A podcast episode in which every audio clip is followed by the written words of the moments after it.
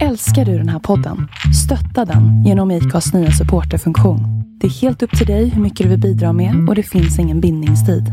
Klicka på länken i poddbeskrivningen för att visa din uppskattning och stötta podden. Hiring for your small business? If you're not looking for professionals on LinkedIn, you're looking in the wrong place. That's like looking for your car keys in a fish tank.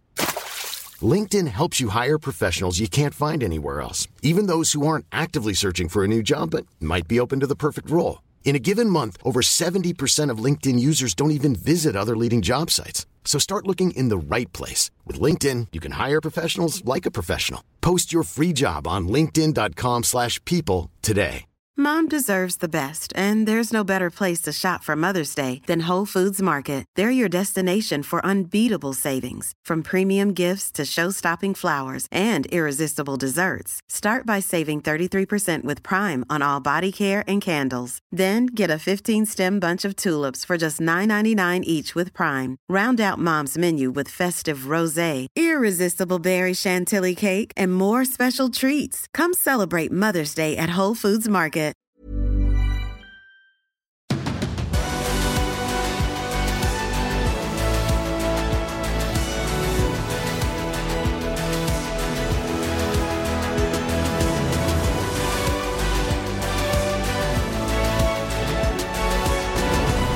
Hej och välkommen till eh, ny vecka, ny eh, MotoGP-podd. Och eh, precis som vi eh, aviserade och eh, snackade om i avslutningen utav förra podden så har vi intressant besök även denna vecka med eh, Johan Stigefelt och eh, vi kommer att eh, alldeles strax dra igång och låta Johan presentera sig själv.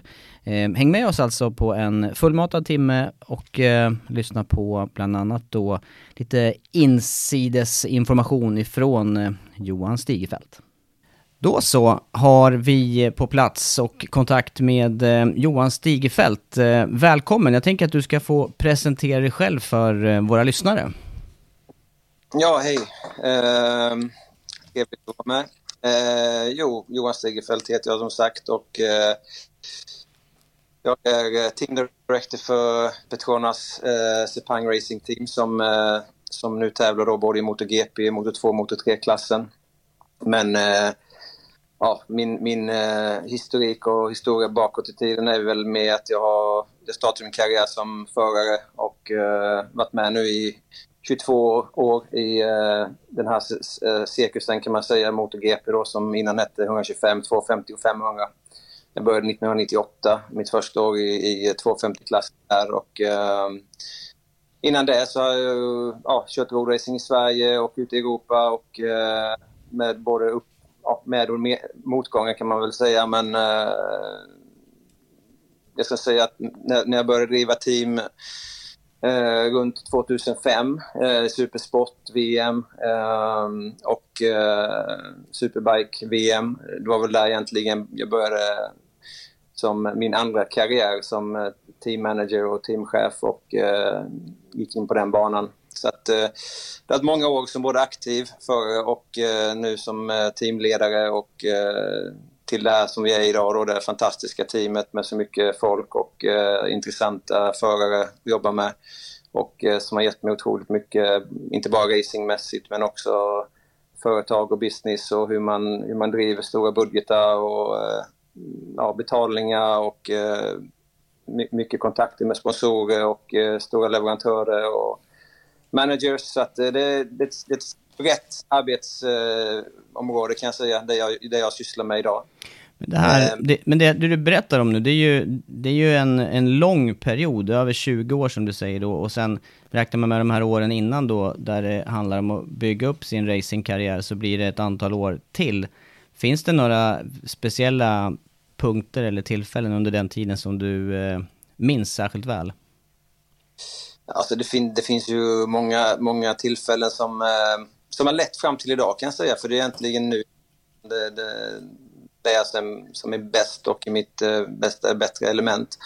Men eh, givetvis det, när jag fick min styrning i, i eh, eh på 250 VM 1998 med eh, Molinar, det var en, en en eh, milsten som, som är viktig. Där jag kom in som svensk på, efter många, många år och eh, saknar svenska eller skandinav i, i klassen. Um, och där började jag bygga upp min, mitt namn och uh, mitt nätverk. Um, sen givetvis som du säger, sen har det ju ett par bra resultat under, under min karriär um, och ett, lite sämre resultat också men, men uh, det, det, var väl också när jag började som jag sa det innan uh, driva team som, som också är en, en viktig del i, mitt, uh, i min karriär.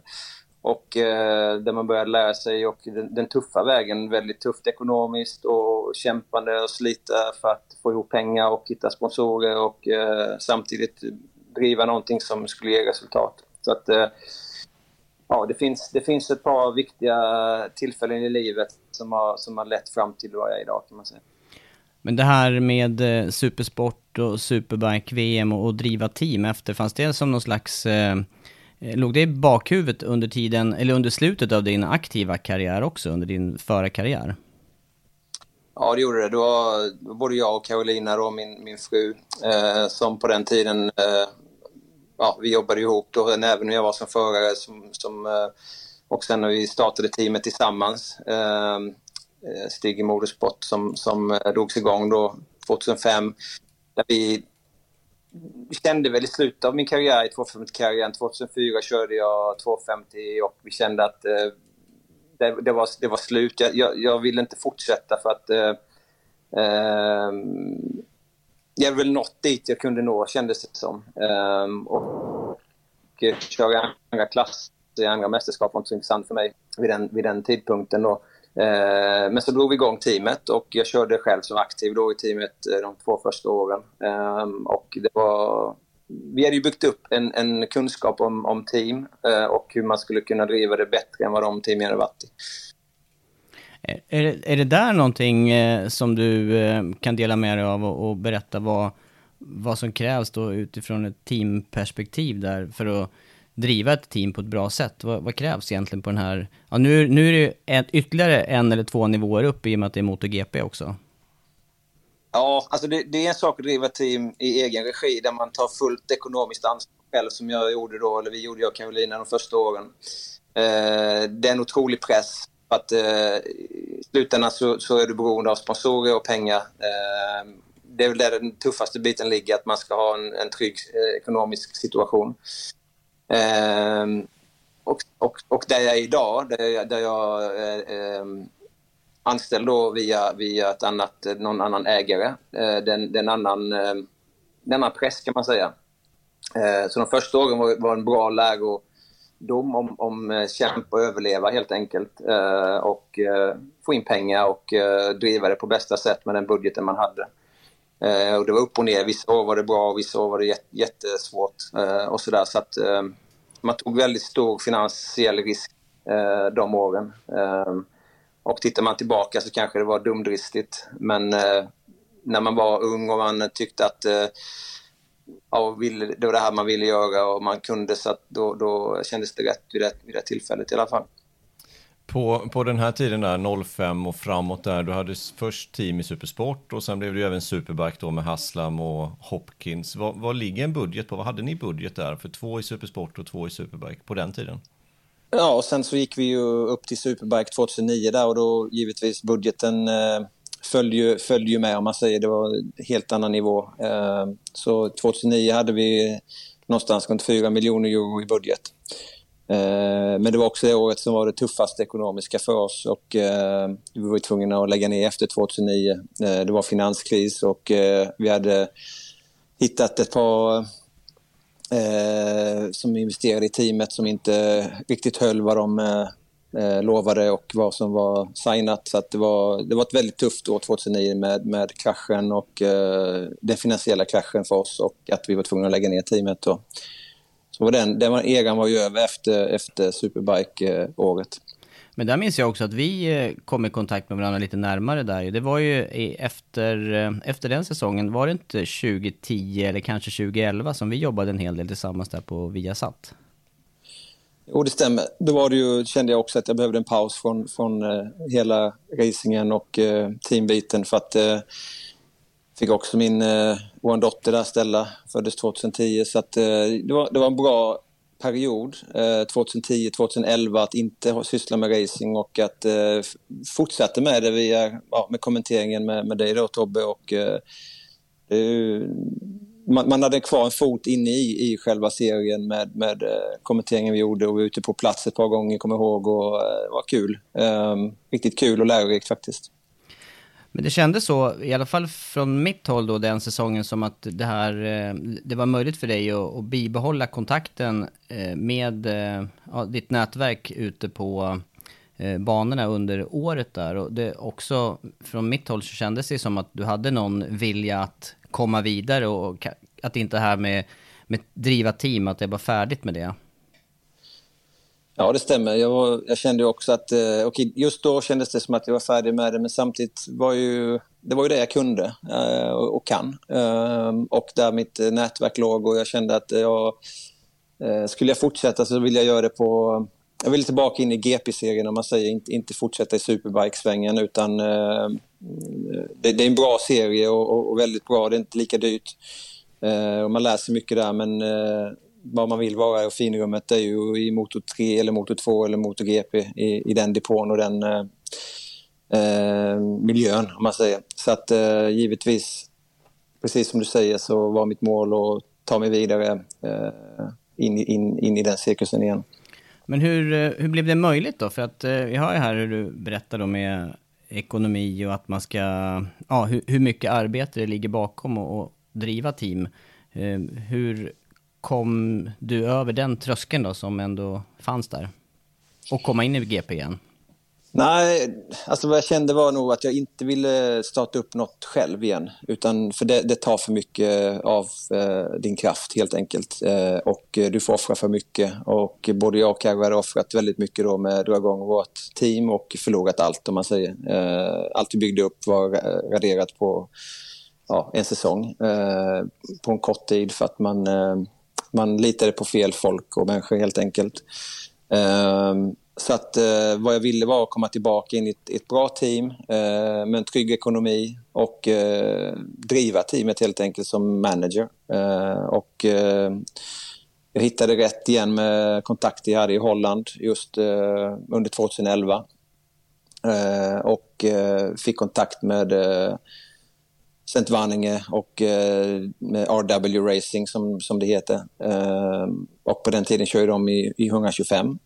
Och 2012 eh, startade den nya Motor 3-klassen upp och eh, jag träffade även Louise Lom det året och vi fick en bra kontakt, kontakt och connection med varandra och eh, eh, det var så det började igen kan man säga. Att jag kom in med, med det teamet i 2012 med Louise och Brad Binder fick ny energi, tyckte det var kul. Um, och uh, vi gjorde ofantligt bra resultat det, det, året med Louise och även kul att följa Brads första år i, i Motor 3 som rookie. Um, ja, det var, det var där det började igen kan man säga. Men var det per automatik då minsta klassen som gällde? För vi vet ju också med, ehm, med det här Motor 2-reglementet som, som fanns, eller som, som blev efter 250, att det är också en vad jag förstår, billigare klass att driva? Alltså jag, vad jag ville först och främst eh, när jag kom tillbaka var att jag, jag ville jobba med folk som jag litade på. Eh, sen vilken klass det, det blev, det blev, det, det, blev motor 3 för de, det var den klassen de körde, körde i då.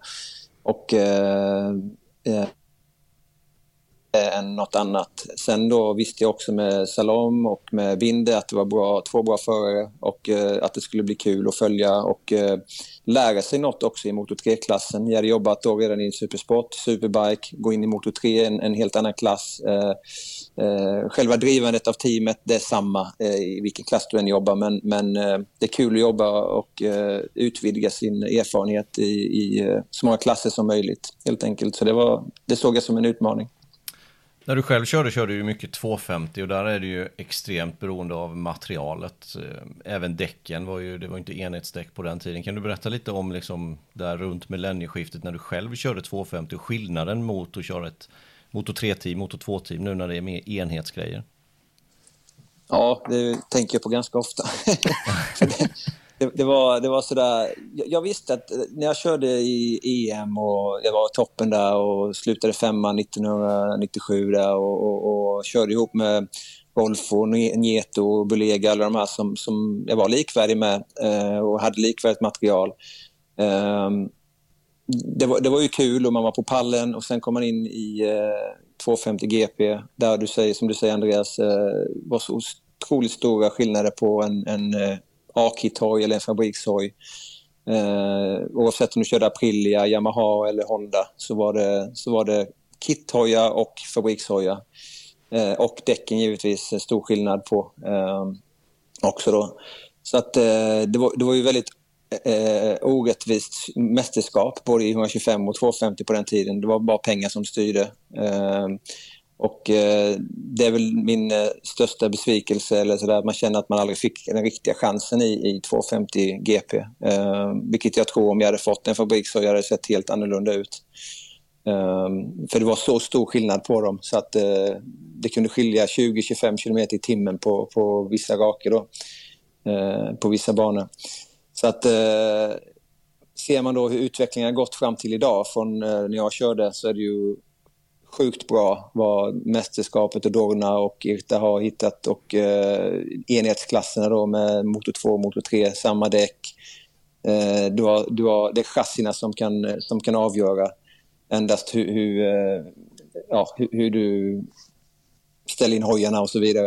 Eh, men men motor, motorer, däck är samma, eh, fjädring är samma, eh, aerodynamik är samma. Det, det är, mycket, det är mer ett förarmästerskap än, än vad det var förr i tiden.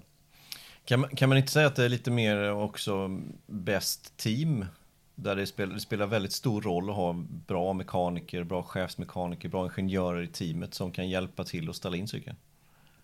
Jo, det är också en, en, väldigt stor del i det. det givetvis, du, du ska, först ska du vara en bra förare. Uh, Eh, sen ska du ha ett bra team, bra tekniker som ställer in hojen och en, en bra chefsmekaniker givetvis då som, som du kan komma överens med och, och jobba med. Eh, och det är små detaljer. Nu när jag ser Motor 2 till exempel hur, hur pass tätt det är i den klassen och hur pass tufft det är för förarna att köra den klassen. Så om jag jämför med på min tid när jag körde 250 så var det det var mer maskinerna som avgjorde, men nu är det mer föraren och hans tekniker som avgör eh, hur, hur pass långt de kan gå.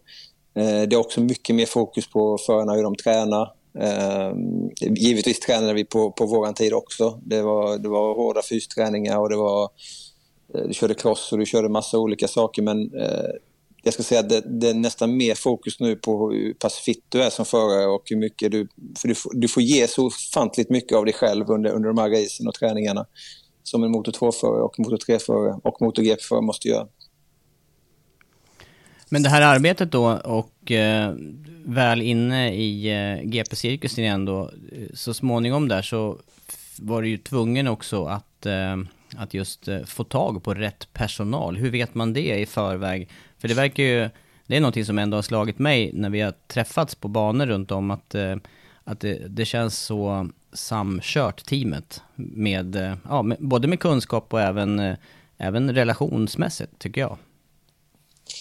Alltså det, om man ska säga någon av min, mina fördelar som, eh, och all, all erfarenhet jag har om vi går tillbaka till 1998 när jag började köra i GP. Så det, det, allting grundar sig där, när man började bygga upp ett namn, en, en, en eh, ett rykte och eh, sen då alla team jag har drivit och varit med i har varit framgångsrika. Eh, och det är så du får bra personal med dig, tror jag. att du, du eh, De litar på, på mig och mitt omdöme och eh, jag har jag tror jag har ett bra öga för att få ihop bra personal, för det är inte lätt, som du säger. Det är, framförallt inte när man har tre klasser att jobba med. Eh, vi har runt 60 anställda nu.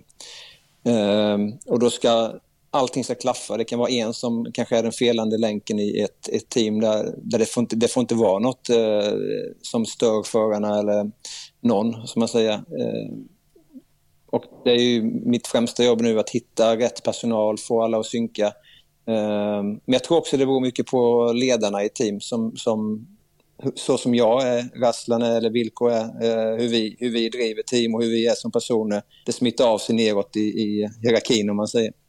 Ehm, och eh, det, är nog, det är nog det viktigaste, ledarskapet är nog det viktigaste av allt i ett sånt här stort team. När du eh, då såg här eh, framgångar med eh, Salom och Binder i sadeln där under eh, Moto 3-säsongen 2012. Hur, eh, hur utvecklades, eh, eller fortsatte dina tankar och arbete då i eh, GP-sammanhang? Nej, alltså 2012 som vi sa var ett, eh, ett bra racingår. Eh, Louise slutade eh, tvåa där i Moto 3-mästerskapet. Vi hade många bra race, vi hade segrar. Eh, och eh, jag fick tillbaka en, en, en grym gnista där eh, av, av, att jag var tillbaka. Och givetvis var det ju ett, ett, bra bevis för mig då som hade drivit framgångsrika mot eh, Supersport och Superbike-team tidigare. Eh, att fortsätta min utveckling och ryktet och att, att det gick bra det var ju väldigt viktigt för mig också. Eh, men eh, jag kände väl också att eh, jag ville, eh, jag ville vidare direkt om man säger från, från motor 3 upp, uppåt. Eh, och eh, jag kom i kontakt med eh, eh i slutet av 2012 kom jag i kontakt med, det var först, min första kontakt med Malaysia kan man säga, när jag kom i kontakt med AirAsia och eh, Caterham som senare blev vårt Motor 2-team. Eh, jag valde då att stå över 2013 för att eh, börja bygga upp det här Motor 2-teamet som vi, som vi startade 2014 som blev Caterham Air Asia då med Sarko och eh, Josh Herrin. Um, ehm, så det var ett väldigt intressant år. Jag, kunde inte, jag var inte med på racen under 2013 men jag, eh, jag började bygga upp teamet, en, ett helt nytt team kan man säga, med ny personal för 2014 i Motor 2. Intressant, och då blev det också byte av eh, klass i samband med det till säsongen 2014 alltså? Precis, det var, då fick vi möjlighet att eh, gå in emot två. Och med en, en, en bra, återigen så var det inte mitt eget team. Eh, jag fick en bra connection med eh, Mia Charisman heter han, som, som var min chef på den tiden då i Caterham, som även drev Formel 1-teamet på den tiden. Och eh, tillsammans så hade vi vision om att bygga upp ett stort team i, i roadracing och eh, även gå hela vägen till MotoGP. Det var planen redan 2014 där. Eh, så att eh, vi valde att köra med Sutte och vi valde att utveckla hojen lite själva med aerodynamik och så vidare. Så det var, det var riktigt kul kan jag säga. Det var, det var ett, eh, ett bra år. Eh, också resultatmässigt körde vi bra. Sarko slutade sexa det året i Moto 2. Ehm, och ehm, det gav återigen lite grund för vad jag är nu idag då, om man säger eh, det, den, det året. Och när resultat där, som du säger, Sarko sexa i mästerskapet. Eh, jag minns inte vad han hade i eh, bakfickan inför det. Han kom ifrån eh, eh mindre klass säsongen innan, eller hur var det? Nej, han kom från Motor 2. Han körde för något som hette Iorda Racing Project på den tiden. där. De körde också Sutter då, eh, chassit eh, som hette Sutter. Ehm, eh, och, eh, han, ville väl, han ville fortsätta med samma chassi och eh, vi ville ha en bra förare. Så att det, var, det, var ett bra, det var en bra möjlighet för oss båda. Eh, jag tror han slutade 10, 11 eller 12 året innan han kom till oss 2014. Eh, och det var väl lite hans genombrott så också kan jag säga. Eh, för att senare då gick han vidare till Aki Ayo eh, och vann mästerskapet i Moto 2 då, 2015 och 2016. Eh, tyvärr så blev det återigen lite ekonomiska problem i slutet av 2014 eh, då Caterham valde att avsluta all sin eh, motorsportsatsningar eh, i Formel 1 i GP2 som det hette på den tiden, eh, som gick ihop med Formel 1 och eh, Motor 2-teamet. Eh, så att eh, vi hade ett tvåårskontrakt med Sarko men vi var tvungna att eh, cancellera det. Vilket var bra för han i och för sig. Han gick vidare till, till Aki och, och vann då, men för oss eh, kändes det lite som ett, eh, ett misslyckande för att vi hade också siktet inställt på ett mästerskapstitel till 2015. Så då blev det till att gräva igen då för din del och, och försöka ta nya tag efter säsongen 2014 då? Ja, det var, det var under 2014 som jag träffade Rasslan för första gången också. Ehm, och eh, jag kommer ihåg ganska väl, vi hade ett möte i London eh, i juni redan 2014 när vi var mitt uppe i vår säsong och han, eh, han ville jag skulle komma dit och ha ett möte med han. Och eh, han undrade om jag ville driva deras Motor 3-satsning då, eh, som han ville dra igång. Eh, och jag sa nej. Jag sa nej, det, jag är inte intresserad, jag vill fortsätta i Motor 2. Och jag, jag, alltså bygga upp ett team tar mycket energi kan jag säga. Det, det, det, är, inte, det är inte världens enklaste grej att få ihop, eh, som ni sa innan, eh, bra folk, eh, få in alla hela strukturen och hela infrastrukturen av, av att bygga team är väldigt eh, krävande och påfrestande. Eh, så jag var inte så sugen på det igen. Eh, men sen då efter några månader där så såg vi ju då med den ekonomiska biten och att Caterham ville lägga ner. Eh, och då kontaktade Rasla mig igen när han fick nys om det också då eftersom det var Malaysia, Malaysia som, som var båda eh, den gemensamma nämnaren där kan man säga. Eh, och eh, givetvis då var jag intresserad och flytta hela teamet som jag hade byggt upp till över till Sepang Circuit. Eh, vilket var en bra lösning för, för alla just vid det tillfället. Så Rasslan här då, för den som inte känner till, berätta lite kort bara vem, vem han är och vad han företräder. Rasslan Ghazali är vår eh, team principal eh, i dagsläget. Han eh, eh, kommer från Sepang Circuit i Malaysia som, där, han varit, eh, där han var eh, vd då, eller CEO för, för, det, för banan de senaste 11 åren och eh, har ett grymt motorsportintresse. Eh, och, eh, men aldrig riktigt jobbat med motorcyklar innan utan han har drivit banan i Malaysia. Och, eh, men har, ett, har ett, brinner för motorsport och motorcyklar framför allt och eh, alltid haft en eh, dröm om att eh, ta fram nya malaysiska talanger. Då.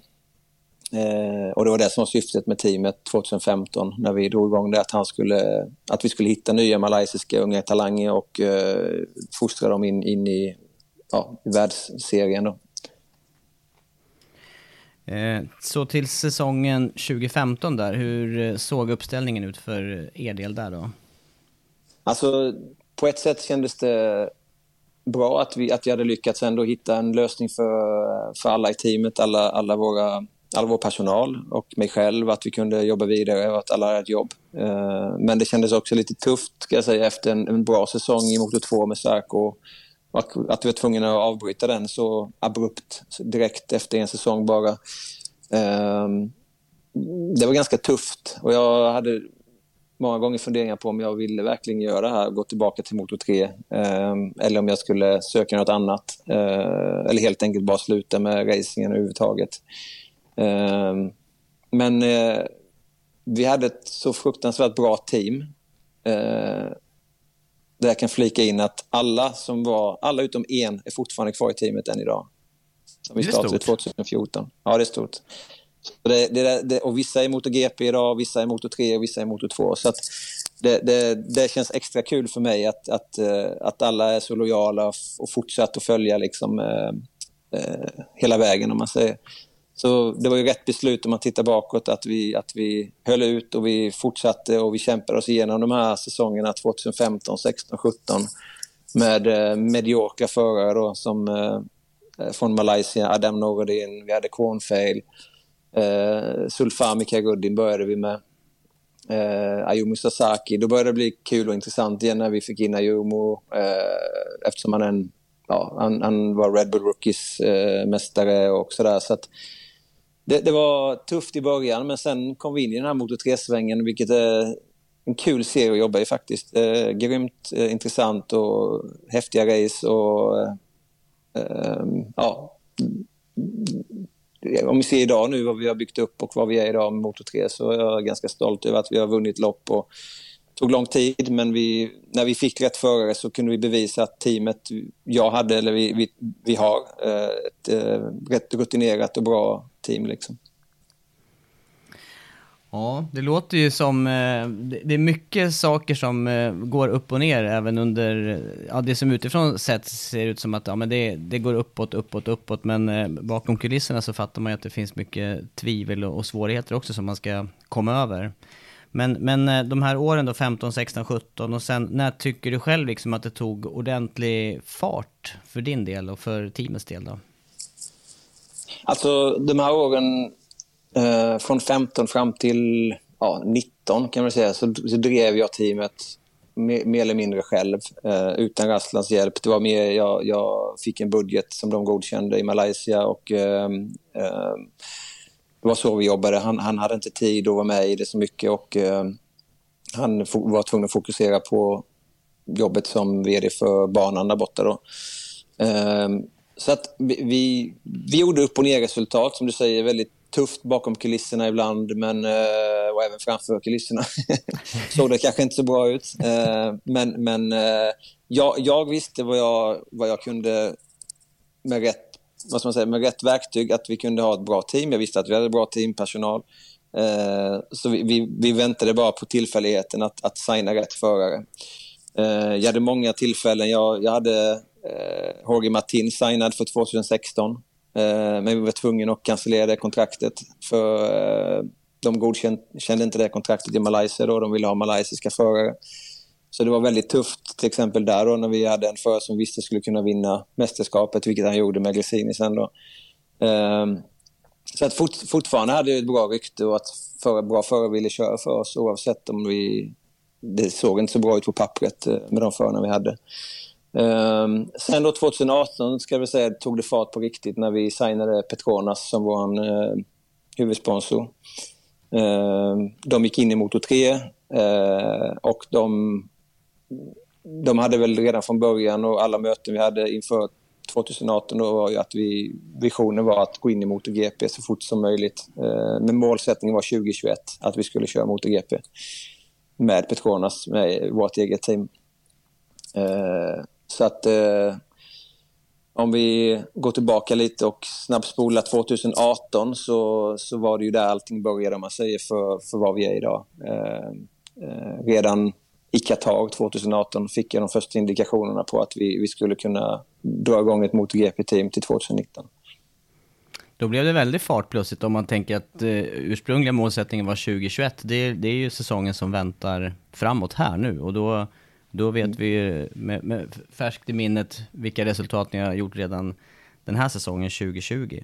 Men det här med indikationer, jag tänker, så vitt jag känner till, jag vet inte vad du säger Andreas, men det här med eh, komma ända till MotoGP och dels vad krävs förutom ekonomi då? Det måste vara andra saker som, som måste finnas på plats för att man ska kunna ens eh, driva team i största klassen. Eh, ja, det... det Okej, okay, som jag sa, driva ett Moto 3-team eller ett Supersport, Superbike eller MotoGP-team, principerna är samma. Men eh, det är erfarenheterna som avgör eh, och eh, ditt kontaktnät och din eh, rykte i, i, i själva i vår värld, då, i vår värld som är väldigt liten men eh, som är väldigt viktig då att få med oss rätt personal och, och rätt leverantörer och rätt eh, eh som Yamaha till exempel. Så allting, det var mycket möten, eh, mycket möten under 2018 eh, med Linn Jarvis. hade jag väldigt många möten. Eh, han kände inte till Rasslen direkt, men han, han kände mig. Jag kände Linn. Eh, men vi hade, aldrig haft, liksom, vi hade aldrig haft någon relation på yrkesmässig nivå. Men det var mycket utfrågningar under de första, må första månaderna innan vi fick klart med Yamaha att de godkände oss helt enkelt. Att de litade på... Det var egentligen helt och hållet omdöme. Det var inget... Det var inget givetvis lite meriter men också om, om vision och omdöme om, om hur vi... Vision om hur, vi ville, hur jag ville driva teamet. Eh, så de tog också en ganska stor risk från början. Eh, men som sagt, vi hade, vi hade flyt och tur att vi hade med oss Petronas i, i ryggen också. Vad, vad, var det för frågor som, som Linn ställde eller var det bara flytande frågor om omdömet? Alltså det kunde vara allt, allt från eh, mina barn, min fru, hur mitt privatliv ser ut. Eh, ja, och, eh, givetvis också om racingen bakåt i tiden. 2009, tufft finansiellt år som man visste. Eh, vad hände då? Eh, ja, en utredning helt enkelt, en, en utredning om mig och oss eh, innan, innan vi kunde få klart med, med Yamaha. Ehm, så det, var, det kändes rätt, eh, rätt tufft ibland. Ehm, men ehm, också förstod jag nu, eller då också, och även nu mer, att eh, det, var, det var hans jobb att, att kolla, kolla, sin, kolla upp eh, oss givetvis. Hur lång process var det där då som, som det pågick bakom kulisserna innan det blev klart för er att kunna starta MotoGP-team? Eh, ja, sen var det också, om man tar bort sig från Yamaha, så var det också Dogna som var tvungna att se hur vi skulle lyckas med det här. Eh, och de pushade ju väldigt hårt att eh, vi skulle... Vi, vi, fick ju ta över Aspars plats där, eh, kan man säga. De, de, de hade inte ekonomi att fortsätta i MotoGP för 2019 och eh, Aspar, som vi vet, har bra relation med Dogna. Eh, givetvis ville han driva teamet med vår sponsor. Så att det var, ju, det var ju också tufft, hur man säger, och påtryckningar från Dognas håll att, att eh, de kanske inte hade förtroende och trodde att, och tillförlit att, att jag skulle få ihop ett team som skulle lyckas. Eh, och istället erbjöd de Rasslan då eh, ta över Aspar-teamet. Eh, eh det blir det lättaste för dig. Eh, de har erfarenhet, de har hela infrastrukturen. Eh, men jag och Aslan har väldigt bra relation. Uh, han litar på mig, jag litar på han. Och han sa, han sa Johan, du, det är du som bestämmer. Du får, du får göra vad du tycker är bäst. Uh, och mitt, mitt svar var att jag, jag vill bygga upp allt från grunden. Det ska inte vara en skruv eller en pinal från Aspar-teamet utan vi ska ha allt nytt. Allting ska vara uh, vårat. Uh, och det, han stod fast vid min sida vid det beslutet. och till slut så litade Dogna också på det då. Men det var också möten med Dogna och mig och, och Rasslan och mycket, mycket utfrågningar där också från det hållet. Eh, det, det, är tufft för det, det är bara det är 11 platser, 11 team i dagsläget då som har start i MotoGP och det är ju värt väldigt mycket eh, faktiskt. Så att eh, vi gjorde ju helt rätt men det var det, det var en tuff säsong 2018 mentalt väldigt hårt jobb eh, för att få ihop allt och fortsätta att driva teamet i Motor 2 och Motor 3 eh, under säsongen. Eh, så att eh, det kommer jag nog inte göra igen, det kan jag, det kan jag säga. Nej, det låter, bara när man lyssnar på det här så känner, eller jag känner nästan sån här eh, ja, lite magknipskänsla, oron under tiden de här förhandlingarna pågår då, för det som du säger, det måste ju vara, eh, det måste ju vara många pusselbitar som ska falla på plats för att det ska eh, realiseras i slutändan. Ja, verkligen. Det, det, det, vad som var bra där var att jag, att jag och Aslan kompletterade varandra ganska bra. Han, han fick sköta biten med Dorna till slut sen och, eh, och förhandla med dem och eh, med Petronas. Och jag fick eh, fokusera på att bygga upp teamet och hitta, hitta rätt folk helt enkelt. Men inte bara det, utan du vet, vi säger, vi kan säga om vi, om vi tar den här tidslinjen eh, från Jerez 2018, då, var, då började det se klart ut att vi, det, här, det, här kan, eh, det här kan vi lyckas med. Sen gick det ju race för race och mellan racen mycket förhandlingar, mycket snack eh, fram till eh, eh, Sachsenring ungefär, där vi, där vi började redan signa förarna, eh, teampersonal eh, och sen fortsatte det under säsongen. Men då där tog det fart också, började planera för testet i Valencia eh, i november. Och där vi behövde allting nytt. så att eh, det, var mycket, det är mycket grejer man behöver om man säger så eh, för att bara genomföra ett test i, eh, på ett bra sätt. Ja, vad säger du Andreas? Det här, eh, den erfarenheten har ju du eh, också, det här med att driva och team och köra liksom. Vad, för mig känns det där, min erfarenhet är ju egentligen bara som förare. Eh, och äh, det, det, känns bara som otroligt många bitar som ska falla på plats just. Ja, det, det är klart det där. Min erfarenhet är ju bara en tiondel av vad Johans, vad Johans erfarenhet att dra igång ett MotoGP-team där samtidigt som att driva fyra förare då i de lägre klasserna. Mm, under mm. säsong alltså. Det var ju, som du säger, det här testet i Valencia, det låg ju också eh, vid den här tiden precis, eh, var till och med dagen efter säsongsavslutningen. Ja, precis. Det var dagen efter. Och då ska vi veta också att all, all personal, förutom mig själv och viss, viss personal från Malaysia, men de jobbar ju mer på den administrativa biten, eh, sidan, och eh, hade ju redan jobb i andra team. Eh, Vilko till exempel, eh, eh, han jobbar ju för Yamaha. Han kunde ju inte börja jobba med oss in, innan hans kontrakt, eller han avslutade sitt jobb efter Valencia-racet och likadant all annan personal. Chefsmekaniker och mekaniker och allt, allt där. Så att eh, söndag kväll i Valencia var det mycket jobb. Fram till fyra på morgonen tror jag vi var i, i depån. Byggde upp ny pitbox och Yamaha förde, körde över hojar från Tech 3 till oss. Och det var byte av kåpor från Monster Yamaha till våra kåpor med Petronas. Och det var full, full ehm, support från Yamaha kan jag säga. Det var väldigt stor hjälp. De kom in med många av deras tekniker från Japan. Eh, fabriksteamet hjälpte oss. Vi känner ju många där i det teamet. De var över och hjälpte oss eh, och, och på, på, på, kvällen och natten där liksom och förberedde hojarna. Eh, för då ing, ingen av mekanikerna som vi har, eller hade då, hade jobbat med Yamaha innan. Så att eh, mer Ramon Focada givetvis eh, och Andy Griffith en bit med elektroniken. Men själva mekanikerjobbet var det ingen som hade erfarenhet av Yamaha. Jag tänker på villkor där, han jobbade ju för Yamaha just som du sa. Hur, hur blev den rekryteringen klar och vad sa Yamaha av det?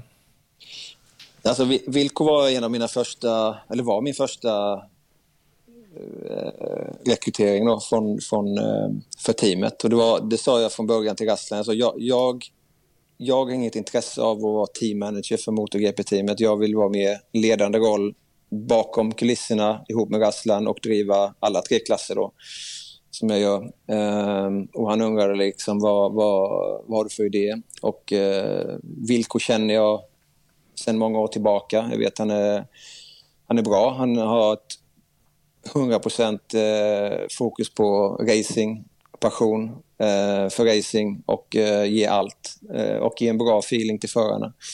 Så att när jag kontaktade Vilko så var det ju, han hade ju hört ryktena. Jag kommer ihåg det var Mugello. Så eh, snackade vi första gången 2018 där och han hade hört lite rykten och han var givetvis intresserad direkt. Han, han, vid det tillfället var han ju rider coach då för Vinales. Eh, men hade erfarenhet som team manager och eh, eh driva team då med, i Yamaha som han gjorde med Lorenzo ett par år. Så att eh, han han var väl ändå slut med sitt jobb som ridercoach för Vinales, vilket var lite tur, tur och flyt kanske. Men samtidigt så tror jag han aldrig skulle tacka nej till en sån möjlighet som han fick då av oss och eh, bli teammanager för, för, för vårt eh, MotoGP-satsning. Um, så att det gick ganska fort och det var likadant där med Lin Jarvis. Jag snackade med honom först, frågade vad han givetvis rådfrågade honom och tyckte, jag vill inte gå bakom ryggen på honom utan uh, väldigt transparent i alla mina val av uh, personal. Uh, så att eh, det var inga problem faktiskt. Lite kort här igen bara då, bara för att förtydliga för den som lyssnar här. Vilko och Linn Jarvis. Vilko Selenberg, Linn Jarvis. Berätta kort bara vad de, vilka personer det är. Ja, Vilko Selenberg är ju också en, en före detta förare som har kört i 250 VM eh, och, och framgångsrik och kört fabrikshojare. Eh, Vilko lärde jag känna riktigt på under supersporttiden. Faktiskt, han, han var med och drev också Yamahas supersportteam på den tiden. Eh, och eh, han... Eh, ja, det var där, det var där i mitten av... Ursäkta. Eh, och Wilco lärde känna då under supersporttiden. Eh, mitten på 2000-talet. Så att, eh, och han, eh, ja, han, han, han, eftersom han hade sin historia som förare och teammanager så tyckte jag det kändes bra och eh, lik, liknande mitt, min historia om man säger. Eh, Linn Jarvis, eh, övergripande ansvar för Yamahas MotoGP-satsning. Eh, inte så mycket tekniska biten utan mer den kommersiella biten och eh, kontraktskrivningar, förarskrivningar och så, och så vidare. Och vår främsta kontakt när det kommer till kontrakt och eh, förhandlingar.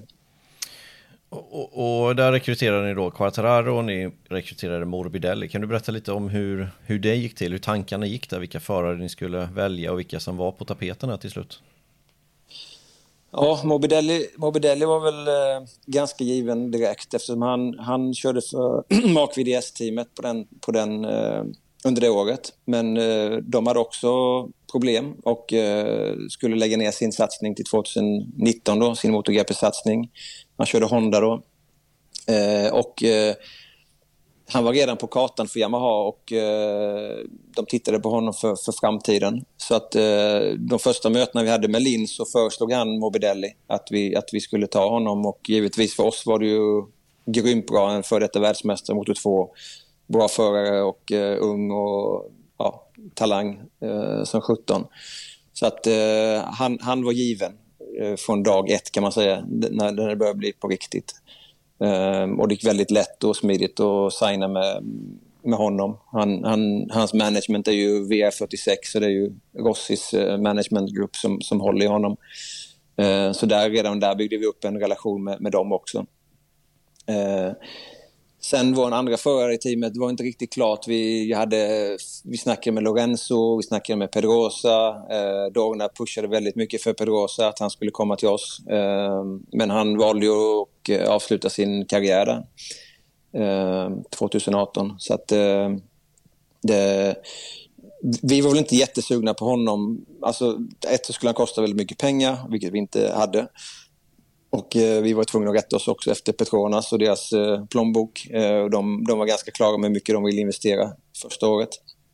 Eh, så vi fick titta på en, en rookie istället. Eh, och eh, det, det, var ganska alltså, spontan, spontant beslut med Quattararo. Vi, vi eh, satt i, i eh, vårt hospitality i Assen jag och Aslan, han kom precis tillbaka från ett möte med Dorna, eh, med Carmelo och med Pedrosa eh, och berättade då att han, han kommer inte fortsätta.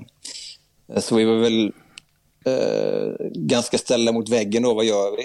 Eh, och givetvis många, många specialister, många som har åsikter och idéer om vad man ska ta och sådär.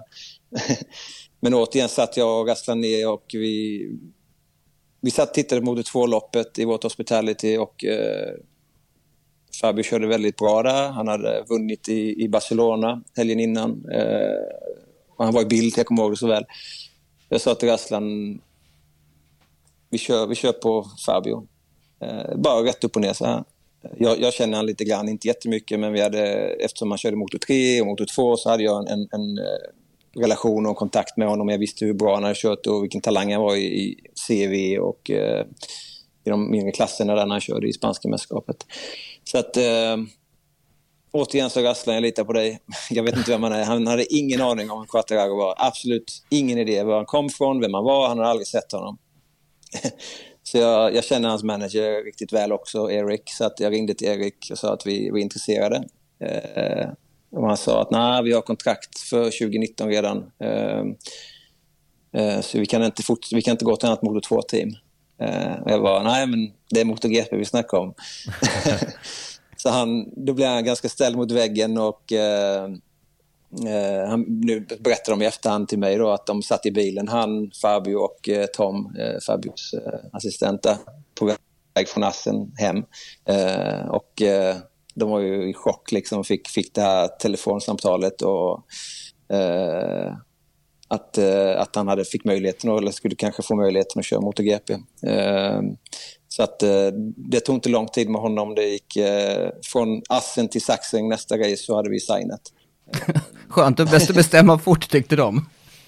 Ja, och det, det var, det, han spelade ju manage, managerkortet kortet ganska, ganska mycket där. Och, men Fabi berättade för mig efteråt att han, han sa till Erik i bilen att jag kör gratis, jag bryr mig inte, liksom, bara, bara signa.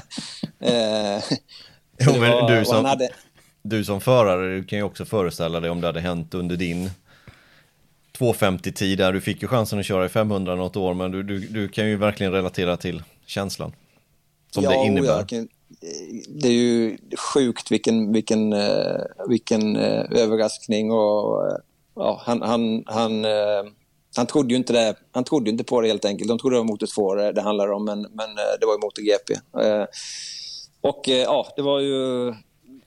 Vi visste ju inte med Fabio. Vi ville ha en rookie och vi sa vi tar, vi tar honom. Det var många som vi har gjort misstag, gjort fel. Eh, vi fick mycket kritik, media och från runt om i depån. Eh, ingen förstod vad vi hade, vad vi sysslade med liksom.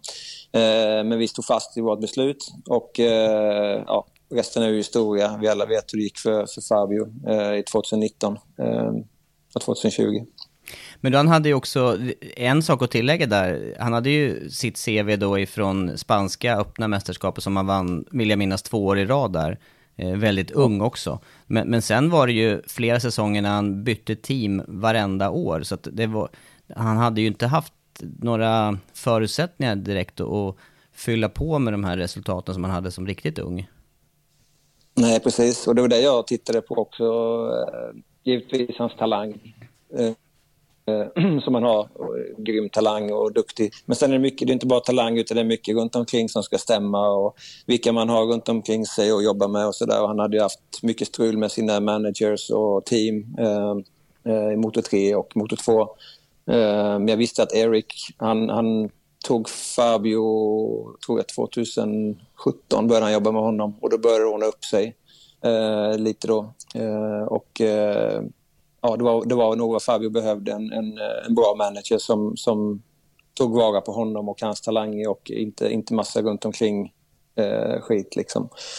Um, så att givetvis var det upp och ner för honom utanför banan, men det påverkar hans resultat också, som, som du säger. Eh, när han körde motor 3 och fick byta, byta team och motor 2, samma sak där med Pons och sen till Speed Up och så vidare.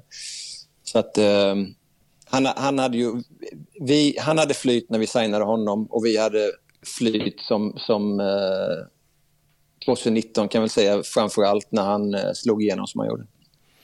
Man kan ju verkligen säga där att hans Barcelona-race 2018, det, det var, den segern där var ju värd extremt mycket så här i efterhand.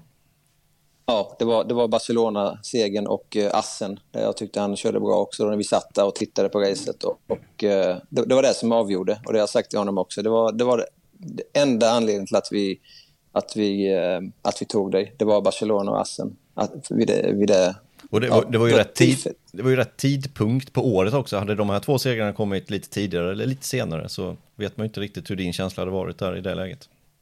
Precis, precis. Det var helt rätt tajmat. Men då har ni alltså två förare till säsongen 2019 och det är också de två förarna som körde säsongen som gick här, Morbidelli och Quartararo. Eh, hur kan du, eh, vad kan du säga om eh, eh första säsongen de två emellan då? För då var det ju klart Morbidelli som var försteförare och Quattararo halkade in på ett bananskal då i det här fallet. Ja, det var ju eh, Morbidelli som hade den bästa hojen. Eh, han, fick, han fick sin A-spec Yamaha då. Eh, inte exakt som fabrikshojarna men väldigt, väldigt lik. Eh, Fabio fick sin B-spec som eh, mindre antal motorer, mindre varv eh, på motorn och annan elektronik och så mycket som skiljer helt enkelt eh, på, på våra mm, motorcyklarna. Eh, Frankie började ju väldigt bra med försäsongstesterna där han var topp 5, topp 6, eh, både i, i eh, Valencia och Jerez och Sepang. Eh, Qatar körde bra. Eh, Fabio byggde upp sin erfarenhet. Eh, från första... Så det var två helt olika strategier. Ett, ett med en erfaren förare som kom från MotoGP och en som var rookie och som var tvungen att lära sig allt på nytt. Eh, så att... Eh, eh och även crewna var olika. Det var Fokada då, Ramon Fokada som hade en lång historia med Yamaha, Ken Hoyen som jobbade med Morbidelli och Diego då, och Pablo som jobbade med, eh, med Fabio som aldrig jobbat med Yamaha innan. Eh, som också fick lära sig allt på nytt. Så det var, det var ju... Vi, vi såg ju de här stegen hela tiden, varje träning, varje pass som Fabio gjorde. Små steg, fram, framsteg eh, hela tiden. Eh, och eh, det började väl blomma ut riktigt i Qatar kan jag säga på det testet. Där, där såg vi att eh, det, kom, det kommer nog bli en, en bra säsong och eh, den har ju som passar honom som handsken. Och eh, säsongen eh, 2019 där, då blev till slut eh, Quartararo femma i sammandraget och eh, Morbidelli slutade tia. Eh, ganska stor skillnad också poängmässigt där. 192 poäng körde Quartararo in och Morbidelli körde in 115 poäng det året. Eh, vad, vad, hur, eh, hur hanterar ni det då inom teamet där? För att eh, det där måste jag också riskerat att skapa slitningar mellan både personal och, och mellan förare konkurrensmässigt också. Ja, det var, det var tufft eh, kan jag säga. Det var, givetvis när, när någon som Fabio då gör väldigt bra från sig så man tenderar ju till att dras åt det hållet som team och även oss ledare då att man fokuserar på det och att det blir, att det blir mer fokus på honom. Och då drabbar ju Morbidelli ännu mer att det är tufft för honom och eh, eh, det var, det var eh, det var en tuff säsong för Morbidelli men han, han lärde sig mycket och han, han är en otroligt bra person, människa, eh, inget stort ego. Eh, och han, han tog det som en man kan man säga. Han tog det som att han var tvungen att jobba hårdare för att, för att eh, bli bättre än Fabio. Eh, och, och hela teamet följde väl Frankie liksom och hans, hans eh, insikt i det här. Eh, annars är det lätt som du säger att det blir två, två team, två klyftor, men det blev det inte. Vi, vi all, alla glädjes åt eh, Fabios resultat på något sätt faktiskt. För det var all, skillnaden till, från våra team till många andra team är ju också att alla hade någon slags delaktighet att bygga upp det här teamet. Eh, var med från början. Så att jag tror alla kände sig på något sätt stolta över att, att det gick så bra för oss teammässigt.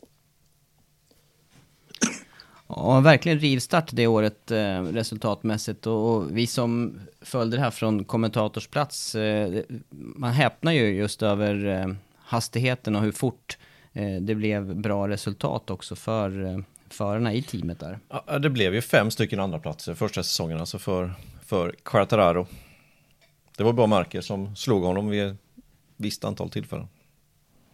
Ja, och det är helt fantastiskt. Om man tittar tillbaka hur, hur, hur Eh, hur många pallplatser och pole positions vi hade. Eh, och eh, eh, det var det, det glädjes vi åt eh, som team och var viktigt för våra partners. Eh, men samtidigt så kändes det också lite eh, tufft då eftersom det gick inte så bra för Morbidelli. Eh, och och han var ändå vår nummer ett för när vi gick in i säsongen. Så att, det, var, det var lite så här bittersweet som vi kallar det ändå. Ehm, men ehm, jag tror det var bra för, för, för Morbidelli för att han, han tog verkligen sig själv i kragen under, under vintern 1920 där och eh, började jobba stenhårt på sig själv och sin fysiska kapacitet. Men hur gick snacket eh, från Yamahas sida där när det gäller eh, maskinmaterial? När det går så pass bra för en av förarna som samtidigt då har aningen på pappret sämre material, blir det inte, blir det inte att man som eh, eh fabrik vill eh, växla upp runt den föraren då? Jo, det var ju också något som vi måste nämna att det var under säsong 2019 när det började gå bra för Fabio. Så han satt ju på en, en, en, eh, ja, en, en mindre späckhoj då med Eh, inte alls lika bra på pappret då som de andra, men han körde ifrån allihopa ändå. Så att eh, Jabaha blev ju intresserade direkt där. Och vi, vi, eh, vi tryckte på ganska hårt också. Jag kommer ihåg första, första eh, viktiga grej som vi ville, ville ha till honom, det var ju kolfibergaffeln. eh, då. Så jag vet, jag var, pratade med Mats Bolin och vi, eh, vi pratade med Yamaha och sådär. Så att eh, vi, vi fick eh, ja, vi fick eh, köpa loss helt enkelt en, en gaffel då, till honom. Eh, så det var första steget och sen blev det mer med Yamaha från Yamahas sida med eh, mer varvtal på motorn och eh, eh, ja, lite elektronik eh, och sådär. Så att de, de hjälpte till från sin sida också när de såg att det gick så bra som det gjorde. Kunde han eh, använda sig av det eller ta, ta tillvara på det som han fick tilldelat då direkt? Eller blev det så stora skillnader så att det var svårt för en rookie att, att göra någonting av det? Nej, han var grym då. Han, han vände lite en uppdatering han fick, kände han eh, direkt om det var bättre. Eller, alla uppdateringar är inte bättre heller, ska man säga. Det är ju vissa grejer vi fick testa i chassin och sådär som han inte tyckte var bättre. Uh, och, uh, men de här små detaljerna uh, som eh, kanske ser små ut men var väldigt viktiga för hans körstil det hjälpte han eh, väldigt mycket. Så han, han, tog, han, han, han, kunde ge rätt feedback och det var också det som var, de var imponerade på Yamaha, där, att, att han gav väldigt bra feedback till dem. Då. Ja, då, ja, vad tänker du Andreas? Nej, jag tänker på en grej som Nils Spalding sa när vi pratade med honom, att uh, han hade sett någon skillnad där just Assen 2019 2019 att Vinales ville ha tillbaka hans chassin som då Quartararo satt på. Ligger det någonting i det? Ja, det gör det. Vi var, jag tror det var Misano-testet, eller om vi hade ett Barcelona-test. Eh, 2019 så Fabio satt ju på ett, eh, i början då ett gammalt chassi om man säger så. Eh, jag tror det var baserat från 2016 redan. Eh, och eh, givetvis, när vi, vi, delar ju all data med Yamaha. De ser ju vad, vad, vi har och vi ser vad de har eh, och, kan, och kan följa och så vidare. Och de, de, alla följer ju Fabio, men de kunde ändå inte köra som han, som han gjorde. Det, det är ju en teknik. Han kör på ett sätt och Vinales kör på ett sätt och Rossi på ett sätt och Morbidelli på ett sätt. Så att allt han gjorde, de försökte kopiera, gick ju inte heller deras väg eh, alltid heller. Då, Men eh, chassit kommer jag ihåg, vi, vi fick chansen då att eh, testa Vinjales chassi och eh, Rossis chassi då på Fabios hoj under test, eh, vilket han direkt sa var mycket bättre för, han, för hans del. Eh, och samtidigt så ville Vinjales ha Fabios chassi, det gamla chassit om man säger då, eh, vilket han tyckte var mycket bättre.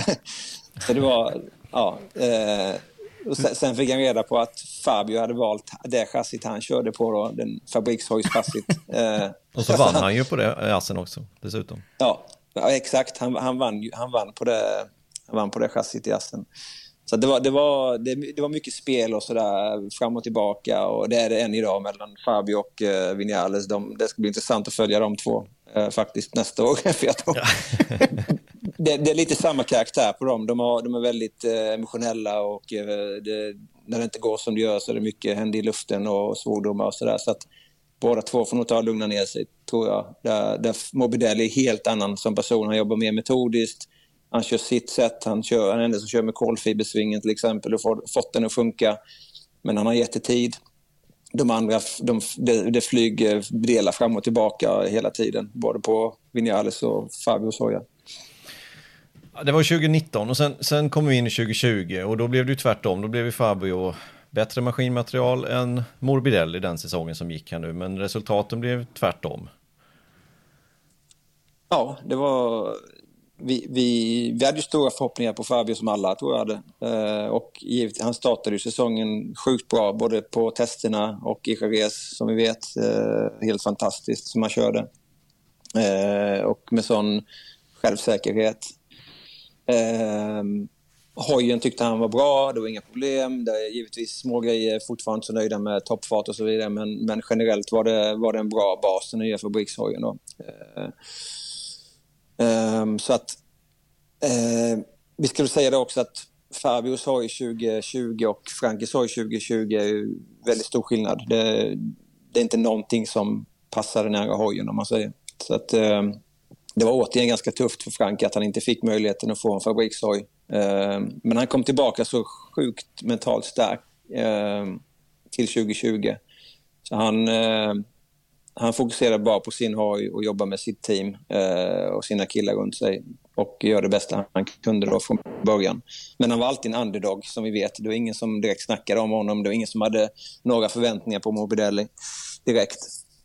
Eh, och all fokus på Fabio igen då. Eh, så att eh, jag vet inte, det, var, det kändes som att det började gå lite fel redan i, i Tjeckien för Fabio eh, under racet när han eh, startade bra och sen fall tillbaka väldigt mycket under racets gång där. Eh, och redan då var det eh, ja, mycket problem som han sa då med däcken och, och så vidare. Eh, så att eh, och Morbidelli slutade tvåa det loppet så att redan där såg man efter det racet att det här kommer nog eh, bli det ganska tufft i år faktiskt.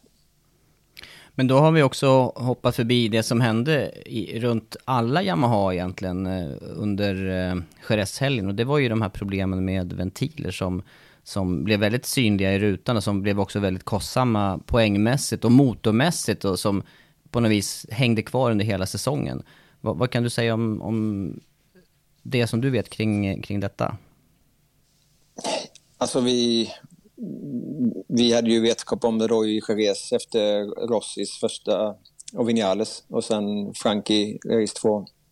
Så att eh, eh, givetvis saker jag inte kan säga, som jag visste redan då vad som, vad som hände. Men eh, det är också någonting vi, vi inte var nöjda med som satellitteam. Vi, vi betalar stora pengar åt till Yamaha för att, eh, för att ta de här hojarna och motorerna och så blev det, eh, det blev fel. Det var, det var helt enkelt misstag från, från deras sida. Eh, som, som i slutändan tror jag kostade oss ett mästerskap eh, och eh, framförallt ett, eh, att vinna teammästerskap.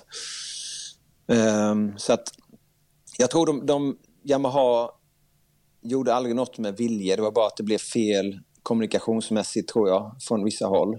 Eh, och att de inte la upp alla kort på borden från början som de skulle, skulle ha gjort kanske.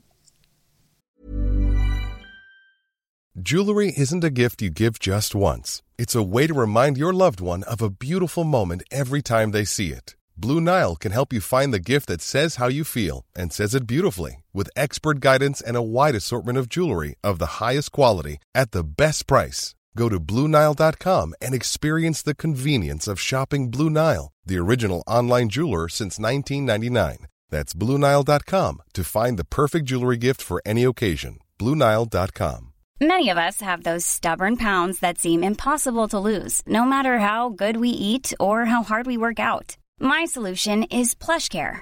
PlushCare is a leading telehealth provider with doctors who are there for you day and night to partner with you in your weight loss journey. They can prescribe FDA-approved weight loss medications like Wagovi and Zepbound for those who qualify. Plus, they accept most insurance plans. To get started, visit plushcare.com slash weight loss. That's plushcare.com slash weight loss. Mom deserves the best, and there's no better place to shop for Mother's Day than Whole Foods Market. They're your destination for unbeatable savings, from premium gifts to show-stopping flowers and irresistible desserts. Start by saving 33% with Prime on all body care and candles. Then get a 15-stem bunch of tulips for just $9.99 each with Prime. Round out Mom's menu with festive rosé, irresistible berry chantilly cake, and more special treats. Come celebrate Mother's Day at Whole Foods Market. För det, det är som du säger där, just eh, resultatmässigt, om man tittar på segrar under säsongen där för Yamaha förr, så var det ju Yamaha som, eh, som trots då problemen redan tidigt på säsongen, var kanske det starkaste märket. Ja, det, vinner man sju, sju race på en säsong, trots de här problemen som, som vi hade. Vi ska veta att vi körde med Morbidelli, körde vi i stort sett hela säsongen med tre motorer. Um, och vi fick, poh, det, var, det var många kilometer på de två motorerna vi använde i slutet. Eh, det var typ oljebyte efter varje träning eh, och eh, han kunde inte köra full power alltid. Eh, fick skruva ner elektroniken väldigt mycket. Framförallt fick vi jobba mycket med eh, anti-wheelie och sådana saker som, som gör att, eh, som gör att eh, ja, han kommer inte kanske ut ur svängarna på samma sätt som han borde göra och så vidare. Så att eh, ser, ser vi då som team tillbaka hur mycket vi fick kämpa och många problem vi hade för att vi inte kunde använda alla motorer och all, all effekt som vi var är tvungna att göra. Eh, Yamaha är inte kända för att vara snabba som, som de är utan eh, det påverkar oss ännu mer. Så är det eh, otroligt egentligen vad vi, vad vi lyckades med. Berätta lite mer om den logistiken som det krävdes egentligen där med bara två, tre motorer för båda förarna här hela säsongen. Vad ni behövde göra liksom mer för att få det här att fungera. För de motorerna gick ju 3, 350 mil nästan ja. i slutet av säsongen. Mm, ja, det gjorde de. De gick eh, ja, 300, runt 350 mil. Eh, nej, det, det som jag säger, det var, det var mycket eh, oljebyten och eh, göra, rent, eh, göra rent hela tiden in i motorerna. Eh, för att ha det så fräscht som möjligt. Och eh, en, en verkligen planering från Ramon då och Yamahas sida för Frankie framförallt. Frankie var mer påverkad än, än, eh, än eh, Fabio, kan jag säga. Han hade större problem eftersom han, eh, han hade två motorer som försvann ganska tidigt där. Och nej, helt enkelt planering och och lite tur också för att vi visste ju inte heller om, om, eh, om det skulle hålla alltid. Det var, jag kommer ihåg att jag hade ett långt samtal med Ramon innan vi kom till eh, Aragon, tror jag det var. Eh, där han var väldigt orolig. Och vi såg också för fabriksteamet med Vinales, han behövde ju ta sin sjätte motor där under säsongen Valencia då. Han klarade ju sig ja. inte. Nej, precis. Han klarade sig inte. Han hade väl ett, ett problem, ytterligare ett problem med växellådan tror jag, så han var tvungen att en motor och som inte de här problemen, det var ett annat problem som, som eh, det uppstod. Men han fick ta sin sjätte motor då, det var ju tur inte vi behövde göra i alla fall. Eh, men eh, det var oroligt för att vi, vi såg ju också med Frank att han började komma närmare och närmare toppen. När han vann racet i Aragon så kändes det att vi har en stor chans, vi har en chans att kunna vinna titeln liksom med honom. Ja. Eh, då blev man ju än, ännu mer orolig. Eh, så det var extra möten och extra diskussioner om hur, hur, hur vi kommer klara det. Men du, du säger det här med, med hans, eh, med Morbidellis starka mm, skalle, eller hur mycket han fick arbeta med sig själv här under säsongen 2019 då. Rent, förutom den biten, vad tycker du skiljer Quartararo och Morbidelli åt när det gäller körningen och en, en racehelg eller en säsong då? Eh, alltså, om man ska kolla på en, en, en eh, racehelg eh, generellt så är det... Det känns som att eh, Morbidelli och Ramon, han, han har jobbat mer metodiskt. Eh, de, de, har, de har testat ofantligt mycket olika inställningar på hoj, hojarna under de här två åren. Men de har, de har, i och med att de har gjort det så har de kommit ner till en de har kommit in i en, en zon där eh, det är det här som funkar för, för honom. Då. Eh, och den erfarenheten Ramon har tagit med sig från Yamaha, då, det, det tror jag är betydelsefullt för, för Morbidelli.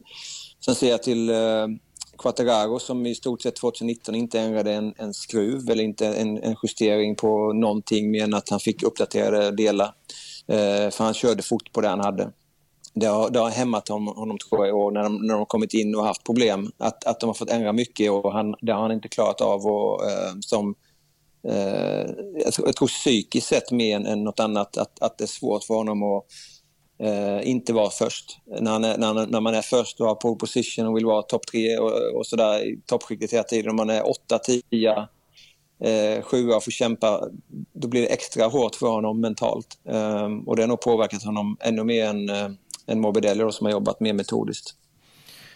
Ni har ju haft problem med, med motorerna och Yamaha generellt sett, det har, vi det har vi pratat om. Men även chassit har inte varit heller perfekt. Det har ju varit mer Morbidelli på en lite äldre specifikation av cykel som har levererat bättre under säsongen. Har det varit något speciellt specifikt eh, chassiproblem och kan man peka på någonting där som behöver förbättras till den här säsongen? Eh, jag tror Morbidellis fördel är mitten och ut ur svängarna där han har på något sätt eh, genererat mer grepp. Eh, de nya chassina eh, har har tuffare helt enkelt att få, få, få hitta grepp eh, och eh, inte komma ut lika väl som, som han gör. Då. Eh, sen är det lite, de har fått jobba med, vet jag, med inpassningar och ingångar och sväng, men det blev bättre under säsongen. Eh, så att, jag, jag, tror inte paketet i sig är dåligt, utan eftersom man, man kollar tillbaka när, när Fabio vann i Jerez, eh, Vinales vinst i Misano, eh, Fabius vin, vinst i Barcelona, då funkade det ju bra. Eh, så att helt plötsligt från att vinna race till att det blir katastrof, det, jag förstår inte det riktigt hur det, hur det kunde gå så fel om man säger i slutet där. Eh, det, det, är något, eh, det är något de måste jobba vidare på. Eh, men jag tror, jag tror det har, har med inställningen att, att göra, att de, att de måste fortsätta och, jobba med det de har och eh, få till lite bättre grepp ut i svängarna. För det, för det är ju intressant att det här motorproblemet det kommer man ju att lösa till den här säsongen. Eh, och, och, även högsta nivån hos Yamaha, 7 segrar och 14 möjliga, den är ju väldigt, väldigt hög. Så kan man bara liksom höja lite lägsta nivån så är Yamaha ett ypperligt paket att vinna mästerskapet på 2021. Jo, ja, jag tror det. Jag tror det. Vi har bra förutsättningar. Sen ska vi veta att våra konkurrenter med, som om man kollar på uppstickaren KTM, eh, som har kört riktigt bra i år. Vissa racer har de varit fantastiska som Bruno med Brad Van och Olivera i, i, i Portimao. Då blir man lite orolig för att på det sättet de vann var ju helt fantastiskt. Eh, så att jag tror KTM kommer vara en tuff utmanare faktiskt eh, under 2021. Eh, både med Brad och Olivera som har mer erfarenhet eh, och eh, kan fortsätta sin utveckling. Eh, Suzuki givetvis alltid där. Eh, på något sätt. Eh, men, men som du säger, sju segrar. Och eh, med, trots de problemen vi hade så kommer, så kommer vi förhoppningsvis kunna göra ett steg till från, från, från Yamahas sida. Då. Och, och sen blev det ju ganska givet där efter 2019-säsongen att Quattararo kommer få erbjudande att köra för något annat team. Det blev ju Fabriks Yamaha byter plats där med Rossi. Hur, hur gick tankarna när ni liksom insåg att vi kommer inte kunna behålla Quartararo. Vad, vad gör ni istället? Eller vad, vad skulle ni göra istället? Eh, ja, det var ju redan eh, slutet på 19 där eh, som vi eh, som vi eh, visste det att vi, att vi inte vi, vi kommer fortsätta. Jag tror det var redan i ja, Thailand och runt där vi, vi snackade om, eh, om fortsättning då. Men eh, alltså på ett sätt känns det tufft att, att, han, att han har gått. Men på ett annat sätt känns det som att vi, är, vi är klara med honom och eh, vi, vi har gjort vårt jobb. Eh, vi har lyckats ta fram en förare som, som har gjort fantastiska resultat. Eh, som har ja, gjort en hel, hel omvändning i sin karriär som vi snackade om innan och har, en, har en framtid som ser ljus ut. Så det känner man sig stolt över givetvis. Och att han fortsätter med Yamaha känns också bra. Och eh, vid ett tillfälle kändes det ganska tufft sådär att vi inte kan fortsätta, speciellt slutet på 19 när det gick så bra för honom. Eh, men sen hade vi ett snack, eh, jag, Aslan och Vilko, och vi pratade om vad, vad är vår strategi för det här teamet? Eh, det, det är ju egentligen att ta fram nya unga förare och, och eh, talanger. Eh, och eh, att vi har gjort det vi kan göra med Fabio och vi kan inte erbjuda dem de lönerna som fabriksteamen kan göra. Det, vi har inte de, den budgeten helt enkelt. Eh, så att eh, ja, nu, nu känns det helt okej. Okay. sen blev det ju inte riktigt vad vi trodde då med, med förarmässigt eftersom Rossi kom in i bilden i början på 2020. Ny påläggskalv, Valentino Rossi. Ja. ja. Men det, det, blir, det blir ju precis, det blir precis tvärt egentligen vad, vad grundfilosofin är här, då, som du säger, med att ta fram nya eh, rookien, ni sneglade på Quattararo. Eh, hur, hur ska ni arbeta med, eh, med och runt Rossi den här säsongen som kommer? Ja, det var inte, det var inte alls planen egentligen att vi, att vi eh, skulle jobba med, med Rossi, utan vår strategi som, som jag nämnde är ju att vi vill ta unga förare från Motor 2, framförallt Motor 2, eh, rookies som, som inte har någon erfarenhet i, i MotoGP, som kommer in färska och eh, inte har några referenser. Jag tror att det är det bästa sättet att jobba på egentligen. Då. Eh, men så... Eh, eh ja, det var väl i slutet 2019 också där vi, vi tog de första diskussionerna med Linn eh, angående Rossi då eftersom han, han, eh, han har ingen styrning kvar i, i Yamahas fabriksteam. Eh, och vi, vi sa att vi, vi får fundera på det över ja, förra jul och nyår. Då. Eh, och sen eh, dök diskussionen upp igen då i, i mars 2020. Eh, ehm, och eh, för oss visste inte heller 100% om man ville fortsätta. Han hade lite eh, ja, eh, eh, funderingar på då om man skulle avsluta sin karriär eller om han ville, ville verkligen fortsätta. Så att vi sa väl vi hade interna möten givetvis. Vi hade möten med Petronas. Vi, vi, eh, vi såg det som en, en, en möjlighet eh, och kunna jobba med en, en förare som en legend som förare som Rossi under en säsong. Eh, och eh, något som vi, vi eh, självklart kommer lära oss mycket av. Vi bygger på vår erfarenhet eh, av att driva team, eh, få in en, en förare som en niofaldig mästare i, i vårt team som kan bidra med så mycket. Eh, men också samtidigt vill vi ge han vår våran sida av eh, hur, hur, vi jobbar och hur vi driver team på ett helt annat sätt gentemot Yamaha, det vet jag. Så att det är lite 50-50 där. Vi, vi, ser fram emot att jobba med honom. Jag tror han ser väldigt mycket fram emot att jobba med, med oss också. Vad tänker du personligen då kring eh, säsongen som kommer här då, vad, vad, vad det gäller just hans eh, del. Det här kan 50-50 kan ju bli då, det kan ju bli 150 då, eller det kanske blir 50 eh, i resultatet av det. Vad, vad, mm. vad, det är klart att man har, positiv syn när det, som, som för din del, men vad, vad ser du som fallgropar eller styrkor i det här samarbetet? Alltså, jag vet att det kommer bli tufft för oss för att vi, vi måste hålla oss till vår strategi och hur vi, hur vi jobbar.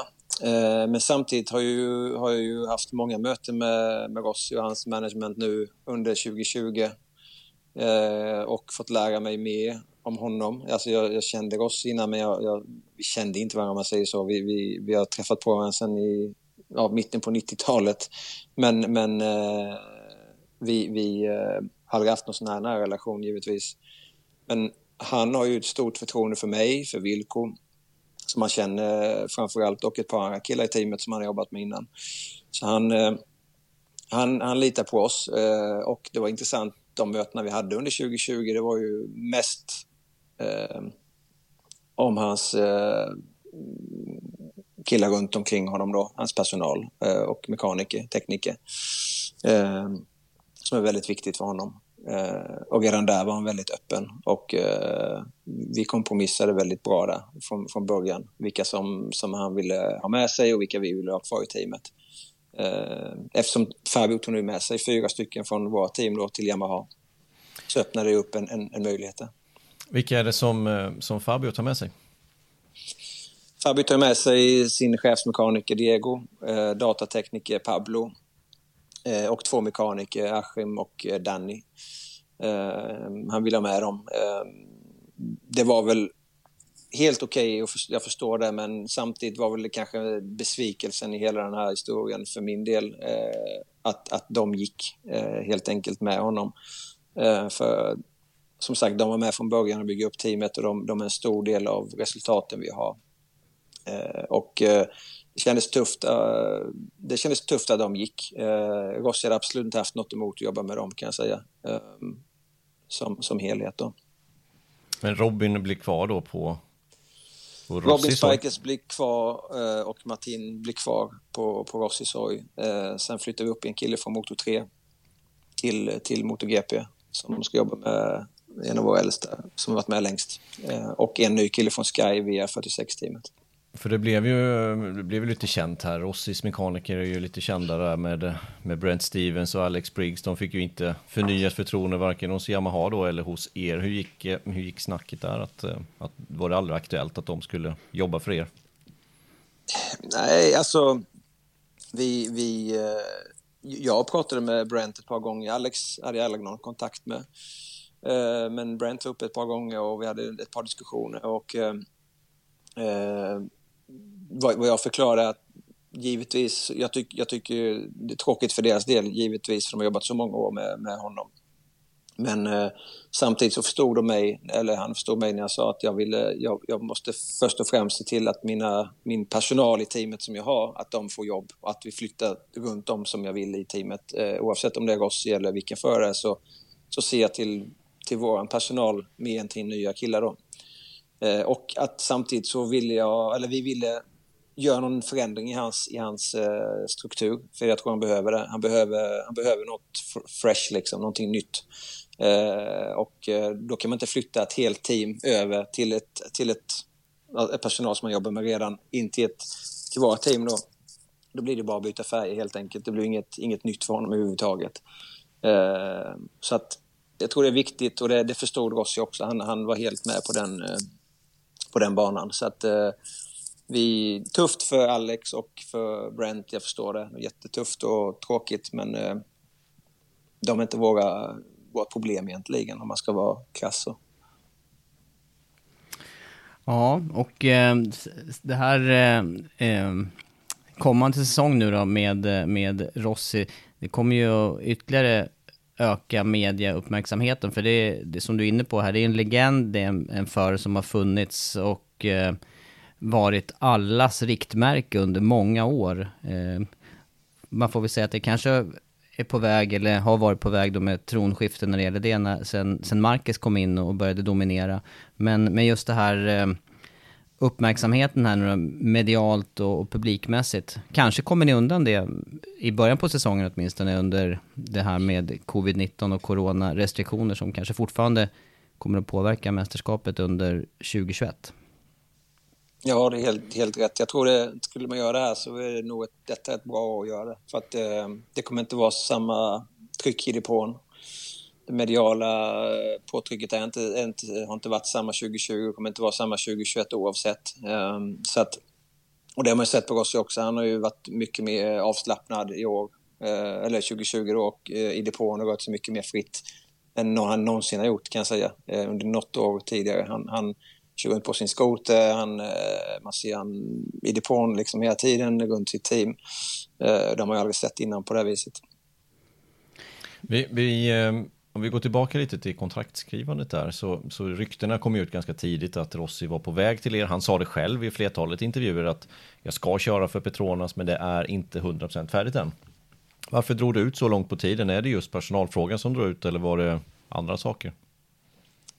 Vi, vi, var, vi var ganska tidigt klara med, med eh, varandra, men man ska veta en förare som Rossi, det, det är inte vilken förare som helst. Det tar tid med kontrakt helt enkelt. Och det var inget enkelt kontrakt. Det var Yamaha, oss och han eh, först och främst. Och då, då, eh, då ska vi veta att det är så otroligt mycket med honom när det kommer till eh, den, med, eh, inte mediala utan kommersiella biten. Eh, vad man får och inte får. Eh, så det tog lång tid och det tog lång tid för oss att förstå och för Petronas. Eh, och då ska vi blanda in Yamaha också i den, i den grytan och få, få, få allting att matcha och stämma. Det, det, tog helt enkelt tid för att få färdigt kontraktet och innan ett kontrakt är skrivet kan man inte gå ut med det 100 procent. Även, även att vi visste att det skulle bli så här då, ganska tidigt. Kan du nämna något exempel där som, som man inte får? Nej, men det är bara hur man använder hans nummer till exempel, nummer 46. Eh, på, på, hur, på vilka, vilka produkter kan vi använda hans image och hur kan vi använda hans image? Kan det vara en, en bild av honom eller kan det vara, måste det vara en bild med honom på cykeln liksom, eh, med hjälm? Eh, du vet, den biten är väldigt viktigt för honom då. Så att, eh, och det är hans management. Så att de, där, där har de ju eh, ja, stor kunskap och vi hade ju inte det på det, på det viset alls. Utan eh, och även för Petronas då, de har jobbat mycket med Formel 1 med Hamilton och Bottas och de här och de, de har erfarenhet från, från det, den sidan. Så det var, det var mycket de inte förstod när det kom till Rossi och mycket som, som återigen, men fick, vi fick kompromissa från, från alla håll och kanter och det var, det var faktiskt eh, väldigt bra i slutändan. Det var det. Ja, intressant. Jag tänker också på den här delen kring, eh, vi snackade ju också Eh, maskinmaterial, eh, Quattararo, Morbidelli. Hur blir det här nu då inför kommande säsong med eh, Rossi, Morbidelli och, och den eh, fördelningen där på resurser eller, eller material eller det senaste? Ja, det är ju den ständiga frågan där då, så att vi, vi eh, eftersom Mobrelli körde så pass bra som han gjorde 2020 och eh, för mig var den, han var ju den bästa Yamaha-föraren och ser starkast ut på pappret även inför 2021. Eh, eh, så tryckte vi på väldigt mycket då hårt, allt vi kunde till Yamaha för att ge honom den bästa hojen och sådär. Men eh, det var inte det att de inte ville, utan det var mer att det fanns helt enkelt inte kapacitet så sent på säsongen som när den ändå började släppa för, för Franke, liksom att han började köra bra och han var med där uppe, att, att de skulle kunna ha möjlighet att bygga en, ytterligare en hoj. Eh, så att eh, det var mer en fråga om material och få fram material i tid. Och, eh, och han sa att han vill inte ta chans, chanser på att köra en hoj han inte har testat innan. Eh, och det kunde han inte heller göra. Så att, eh, då valde vi att eh, fortsätta med den hybriden han har ändå, om man säger 2019-2020-modellen, eh, att han fortsätter med den 2021. Men vi ska jobba med små uppdateringar på hans hoj. Lik, liknande vi gjorde med Fabios hoj 2019. Och Rossi då kom in med en full, full fabrikare 2021 här. Så att han, han, han har ju han har samma som Vinales och Quattararo kommer ha. Och vi pratade vem som följer med Quattararo till fabriksteamet, men vi pratade aldrig om vilka som följer med Rossi in i teamet. Här. Det, var, det är väl fyra personer vad vi har förstått, men kan du dra det lite närmre? Nej, han, han tar med sig uh, sin chefsmekaniker David Munoz som han jobbade med under 2020. Var, han, han, är riktigt bra, en, en kille som jag gillar och fått bra förtroende för. Uh, han, han, är liknande Diego som jobbade med, med Fabio faktiskt i, i sätt och hur han jobbar och han kommer från en bakgrund med telemetri och data och sådär. Så det är alltid bra för en crewchief att ha den e- erfarenheten och kunskapen. Sen tar han med sig Matteo Flamini, hans eh, datatekniker som alltid varit med honom. Eh, de senaste 15 åren också. Eh, och eh, han tar med sin rider coach, Idalio Gavira, som han jobbat med under ett par år här nu. Det är de han, det är de han tar med sig från Yamaha. Eh, och vi då, som jag sa, Robin Spikers fortsätter som jobbade med Fabio. Eh, Martin, han är Dex och eh, bränsleansvarig. Han fortsätter med oss. Eh, och eh, vi tar en, en kille från vårt Motor 3-team då, Dan Sawyer. Eh, han jobbar med Powie. han går till Rossi, så det, det är det största. Stort steg. Det är ett stort steg, ja. Eh, så där ser vi hur fort det kan gå. ja, det är intressant. Det. Kul. Ja, det är intressant. Men en grymt duktig mekaniker och eh, person. En som, jag, en som jag personligen är intresserad av här, jag vet inte om jag är ute och cyklar, men den här ridercoachen då, Gavira, är det en av bröderna som åkte det här som, som sen blev Supersport-VM tidigare? Ja, Super Prestigio tror jag det hette på den tiden. Ja, men de som åkte så brett, de här brorsorna. Ja, han är en av bröderna. Ja, ja det är så? Ja, det. Han är riktigt bra kille, bra karaktär, bra... Ja, han är... Han var faktiskt en av mina, för det där var så tidiga bilder på, på 600 racing där de här brorsorna då backade, de fullkomligt backade in sina cyklar i, i svängarna. Båda två ja. körde jätte, jättebrett ja. gjorde de. Ja, jag vet. Jag kommer ihåg. Jag, jag, jag, berättade, vi pratade om det när, när, vi, när vi skrev kontrakt och sådär, så vi pratade mycket om, om det. Han, han kände igen mig också från den tiden. Jag körde också i Spanien mycket på den tiden. Mm. Så att det, var, det är kul att man kommer tillbaka, återigen, man kommer tillbaka till, med folk som man har varit runt många, många år tidigare. Liksom. Eh, eh, och sen tar vi då en kille från Sky-teamet som jobbat i Motor 2 med eh, Marini 2020. En, eh, som, som Rossi gärna ville ha med då. Eh, och eh, han passar in. Så att det, det är väl det. Och sen, sen har vi ju bakom kulisserna har vi ju Yamaha-folk då från, eh, från fabriken som en kille som följer med honom, en japan, Hoshino, som har varit med honom många år, eh, som eh, övergripande ansvar för, från Yamahas sida då. Och en eh, elektrik, eh, te, telemetri och eh, dataingenjör.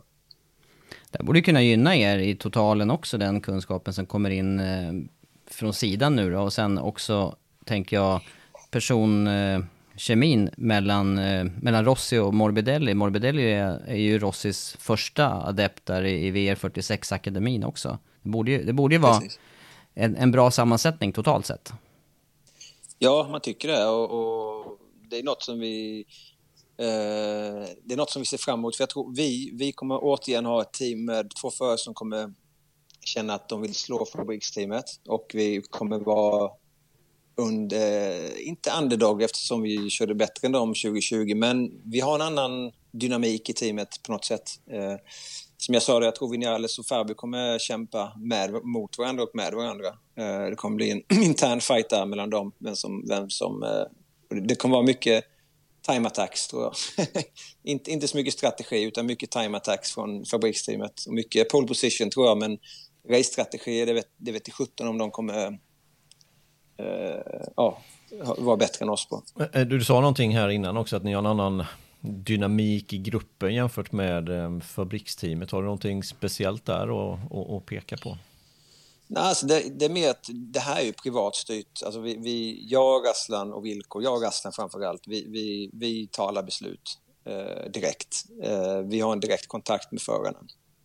Eh, vi, vi vill ha gruppen United, om man säger all, och då menar jag alla team.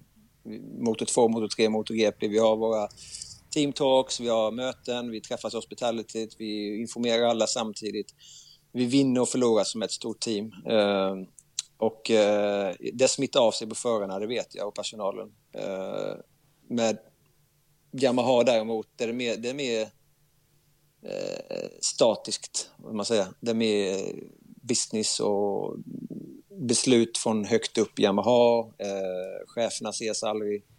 Eh, Linn är ju duktig på det han gör, men han har, han har, inte, den, han har inte den närvaroheten som vi har när det kommer till racingen och resultat. Eh, Majo som, som driver teamet i, i, eh, för Yamaha.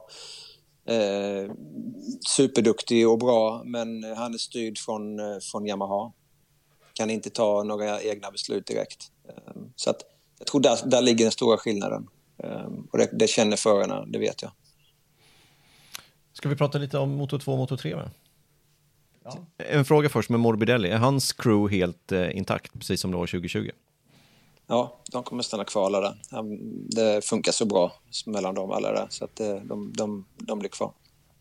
Jo, men det är klart att det går. Det, det, vi måste ju säga det, du, för tidigt här under snacket Johan, så pratade ju du om eh, Aspar-teamet där och att det är eh, deras platser i MotoGP som ni eh, tog över. Och, och, då var ju Aspar-teamet det stora teamet i MotoGP-depån. Idag så måste man ju säga att ni är det stora, kanske till och med det största, det har inte jag siffror på, men det största i och med att ni har representation i alla tre klasser.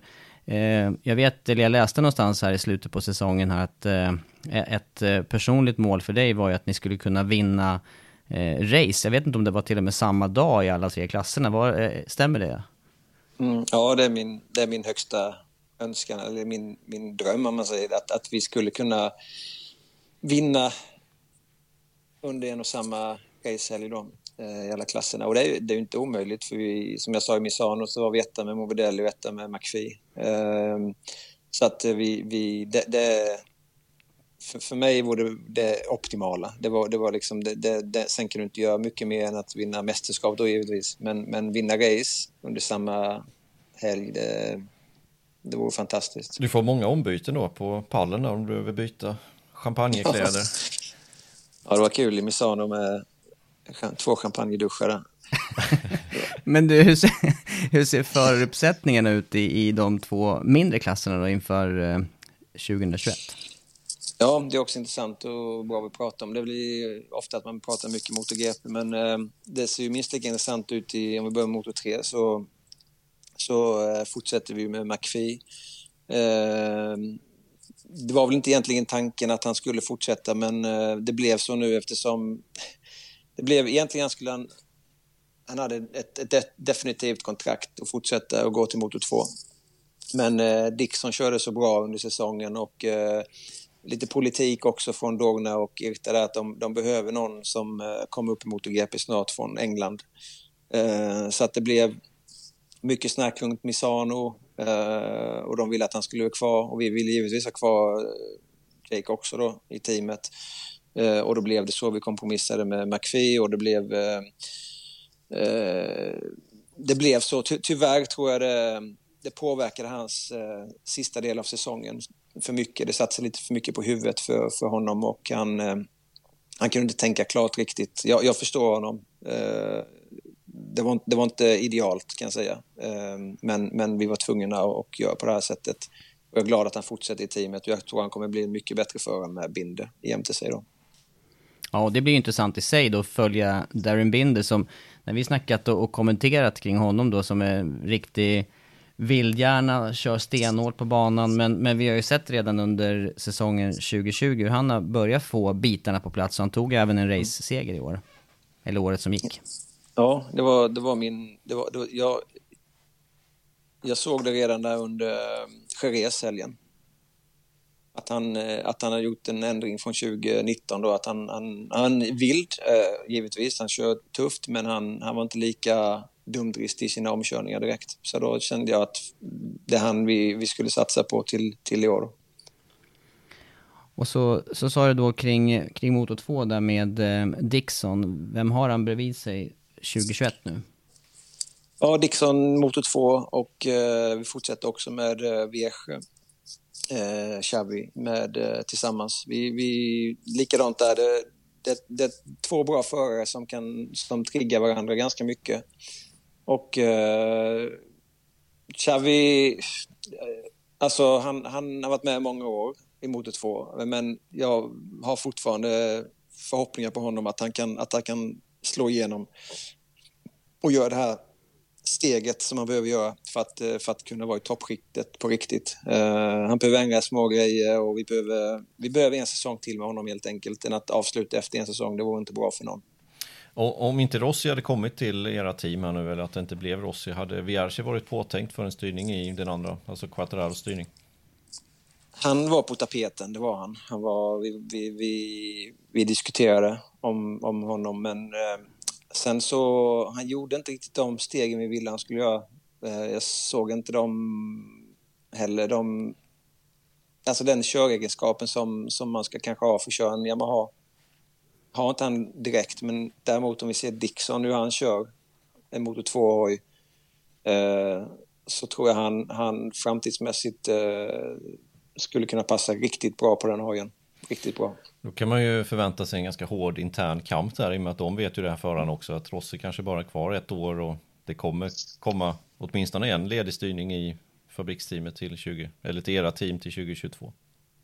Oh ja, det, vet, det är de medvetna om och det, det är det som du säger, det kommer, det kommer bli intressant. Motor 2 för mig var, var, var överraskningsklassen om man säger för min del, i vårt team Motor 2. För det har alltid gått ganska dåligt där och vi har, inte haft, vi har haft en förare liksom och vi har inte... Det har, varit, det, det har kommit lite skymundan om man säger mot Motor 3 och Motor GP. Eh, men äntligen då förra året så hade vi två bra förare och, de, och de verkligen visade att de, att de vill vara där framme båda två. Och eh, jag tror i år kommer vi ha ett grymt starkt Motor 2-team och jag ser fram emot det väldigt mycket. Dixon, han, han la ju sig där på Le Mans i ledning med bara, var det tre, fyra varv kvar. Hur, hur, hur agerar du där som teamchef att liksom, eh, ja, trösta honom nästan? För det var ju nästan vad man fick göra, vad man såg på bilder i alla fall. Ja, det var, det var tufft för mig faktiskt. Det var riktigt hårt att se för jag, man, man, man, alla jobbar ju så mycket och så hårt eh, för att liksom komma till den komma till den punkten där man leder ett race och det bara är fyra varv kvar och man står och räknar ner varv för varv. Eh, men man vet också att det kan sluta när som helst. Det är, det är ju racing vi, vi, vi sysslar med. Alla, alla har ju varit där eh, och kraschat, men, men man leder ett race på det viset han gjorde. Och, eh, och det såg så bra ut, det såg så lätt ut. Eh, och att han kraschade, det var, det var grymt tufft. För det var nog en av mina tuffaste moment, äh, eh, tillfällen under säsongen. Att jag, äh, att jag tog, det, tog det ganska hårt själv. Äh, men sen när han kom in då får man ju samla sig och man såg hur ledsen han var. och besviken. då får man ju bara motivera att han... Jag, sa, jag tror jag sa till honom att du, det, du har lärt dig så mycket under det här racet, som, mer än du någonsin har gjort under hela din karriär troligtvis. Ehm, och eh, det kommer du ha med dig i framtiden. Något sånt där så för mig. Så att, eh, och Fabio var även där och hjälpte liksom och han tröstade honom och motiverade typ. Ehm, eh, ja. Ja, för, för, för, om vi tar det Le Mans-racet så var det ju ändå Fabio som var favorit på hemmaplan. Han stod pole position och så började det regna fem minuter innan starten skulle gå. Hur, hur tar man en sån här grej? Jag vet ju själv att det där är ju svårt att svälja liksom. Att man vet att innerst inne så tror jag att Fabio visste att han kan vinna det här racet. För han var snabbast ja. under helgen. Men sen började det regna. Ja, Fabio kunde vinna det racet och vi, det, var, det var det som var målet givetvis. Vi hade jobbat mycket på att få en bra start för det var, det var viktigt. Eh, och sen eh, så kom regnet. Eh, Okej, okay, det kan vara två...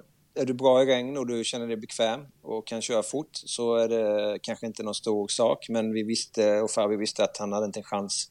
Vi var, eh, vi var inte till, tillräckligt snabba i, i regnet. Eh, så det var, ah, det var riktigt... Eh, det var hårt. Och eh, men jag tycker han gjorde ett bra jobb ifrån sig i det racet faktiskt. Jag tycker han, han, han där kämpade han in i det sista och eh, slutade åtta. Eh, och, eh, han, han, slog ju faktiskt Mir och Vinales där. De hade ju en, en trekamp där sista varvet och han var ju starkast där och gav sig fasen på att han skulle ta sig förbi de två. Ja, det, och det, var, det, var, det uppskattade vi och han var glad efter racet. Även, man behöver inte alltid vinna för att vara, vara nöjd efter ett race utan en, en åttonde plats kan vara lika eh, man säger, viktig eller bra som en, en vinst som ibland, eh, och det var det den här gången.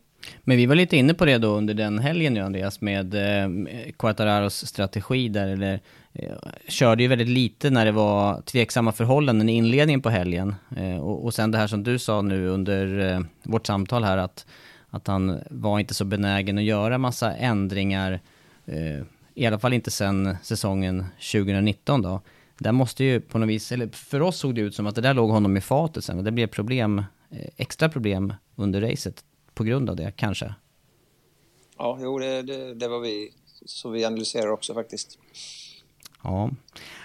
Ja, spännande, intressant. Andreas, eh, funderar du över någonting ytterligare? Nej, men det, det är väl mer den här säsongen som kommer här nu. Vad, vad, om vi går ifrån era team lite, vilka tror du eh, kommer att prestera, underprestera, vara med i täten av årets mästerskap? I MotoGP pratar jag nu.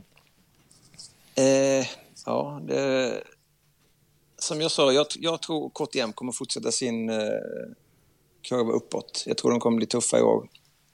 Eh, jag tror Suzuki kommer vara där, men jag är inte säker på att de kommer vara... Eh, de, de, är inte alltid med om man säger så. De är, de är, med, de är starka i vissa race och vissa inte.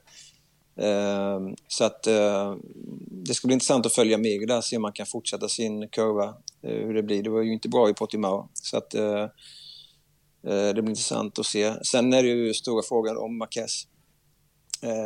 Hur, hur, och när och var han kommer tillbaka. Ehm, kommer han tillbaka så oavsett så kommer han vara hård och slå. Det vet vi.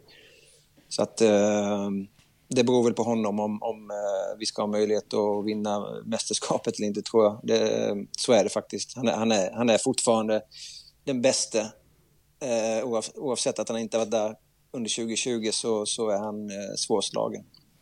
Ja, det, det, så har ju vi också pratat om att även fast man drar ner honom 3, 4, 5 procent kanske så kanske han är ändå den, den bästa och den att slå. Eh, vad tror du om hans teamkompis där Polly Sparger på en Repsol Honda? Eh, jag, tror han kommer, jag tror han kommer få det tufft. För jag tror, jag tror så som han kunde köra KTM i slutet av eh, mitten till slutet av säsongen var grymt bra. Eh, och sen byter han då till Honda, vilket är en, jag tror en svårare hoj att köra än KTM-hojen nu. Så jag tror han kommer få det tufft inledningsvis i alla fall. Sen är han alltid bra på att sätta ett bra varv. Eh, han är ganska hård i racen. Men han är också någon som kör slut på sina däck ganska fort och sådär. Han kör ganska aggressivt. Eh, har en annorlunda körstil. Så att eh, jag tror Paul kommer få det ganska tufft i alla fall och det är vad alla tror. Eh, sen kanske han kan överraska men jag tror inte han kommer köra bättre än med KTM. Finns det några andra namn då du vill eh, lyfta utanför eh, Yamahas fyra namn då? Eh, och, och Marcus som du säger här nu, det var ju ett extremt jämnt mästerskap hela säsongen här och till slut så inför helgerna, vi har gjort lite tippningar, interna tippningar under året och de, ja. de, till slut blev det ju ungefär som att slänga upp ett, en eh, nävesten och hoppas på att någon skulle stanna kvar på handen. Alltså, för mig, en av mina favoritförare som, som jag alltid har hållit väldigt högt är ju Bagnaia. Eh, Pekko. Så jag, jag tror att han kommer överraska i år. Eh, och han, han behöver ett genombrott och han har varit så nära nu ett par gånger. Eh, ledde i Misano och kraschade i ledning och sådär. Eh, han, så fort han får ett, ett riktigt bra resultat eh, med en, en seger eh, pratar jag om då, så då, då tror jag det kommer släppa för honom och, han, eh, och Ducati behöver rycka upp sig riktigt eh, rejält. Så att jag, tror, jag tror mer på Pecco än på eh, Mille faktiskt. Eh, ja. Mm. Han, han, han, var ju också tvåa bakom just Fabio i Jerez där när hojen gick sönder. Precis. Mm. Ska vi titta ja. lite framåt ännu mer då? Till, eh, till 2022 här. Ert kontrakt med Yamaha går ut. Hur, eh, hur, hur går tankarna? Ja, det är många kontrakt som går ut detta året, både med Petronas och Yamaha. Eh, Dogna måste förnyas. Så att vi, detta blir ett, ett, också ett hårt år bakom kulisserna för att förhandla och eh, fortsätta förhoppningsvis vårt samarbete med Yamaha. Det är vår eh, målsättning och vad vi vill göra. Då. Eh, och eh, även med Petronas. Så att eh, vi har ganska mycket jobb och mycket förberedelser här nu de första sex månaderna 2021. Eh, jag och Aslan framför allt. Och eh, ja, förhoppningsvis fram till juni där ska vi ha ett, eh, ha ett eh, definitivt eh, besked om, om hur vi fortsätter.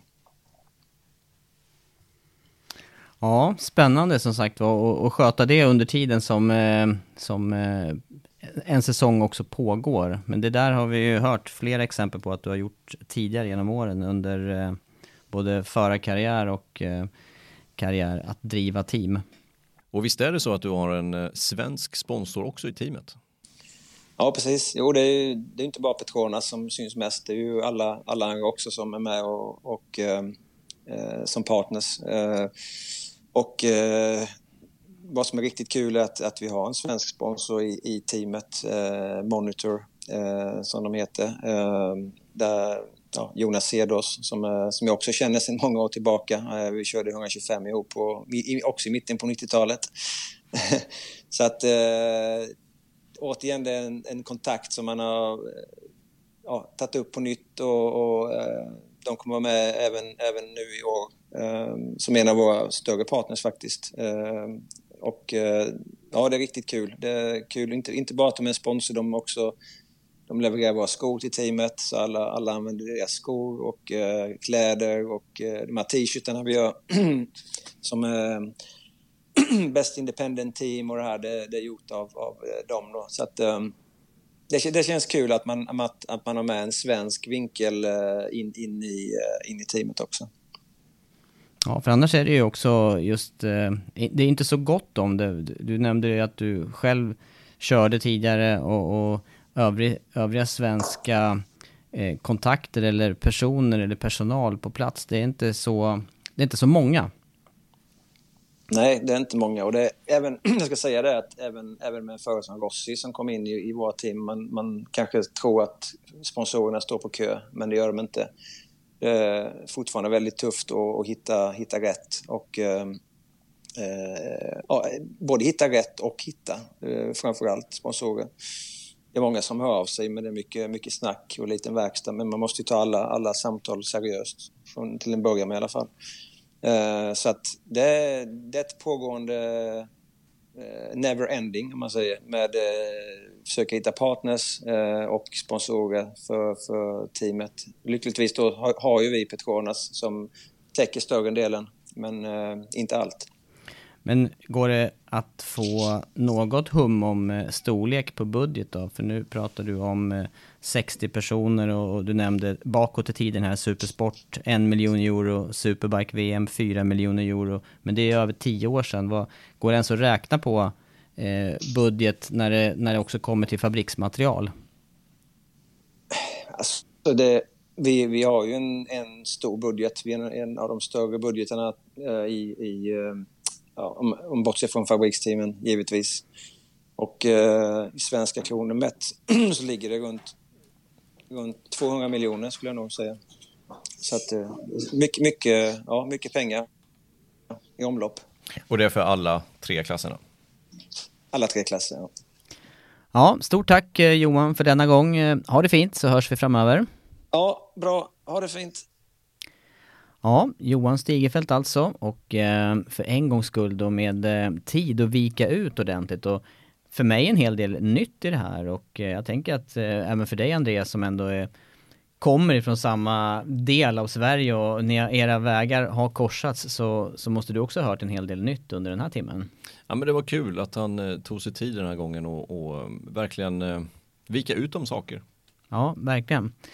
Och eh, med det så kommer vi att eh, återgå lite mer till normalläge efter eh, denna veckas podd. Det är ju snart säsong igen eh, och eh, då är det läge att dra lite mer kring nyhetsuppdateringar eh, och också kolla framåt mot eh, kommande år som vi ändå får hoppas kommer att fullföljas på ett någorlunda normalt sätt. Vi får ju se läget där helt enkelt. Ja, nu är det tillbaka till lite eh, ordning och reda här från och med nästa vecka. Vi försöker, ihop en, en, försöker få ihop en podd som um, handlar om allting som har hänt här under vintern. Uh, vi har ju faktiskt lite Moto 2 och Moto 3 att ta tag i också, kommer också framöver. Och sen är det ju snart säsongstart då i mars, hoppas vi. Och stort tack till alla våra Patreons, alla som stöttar denna podd och som gör att vi kan hålla igång poddandet här nu under vintern. Stort tack som sagt och vi hörs nästa vecka igen.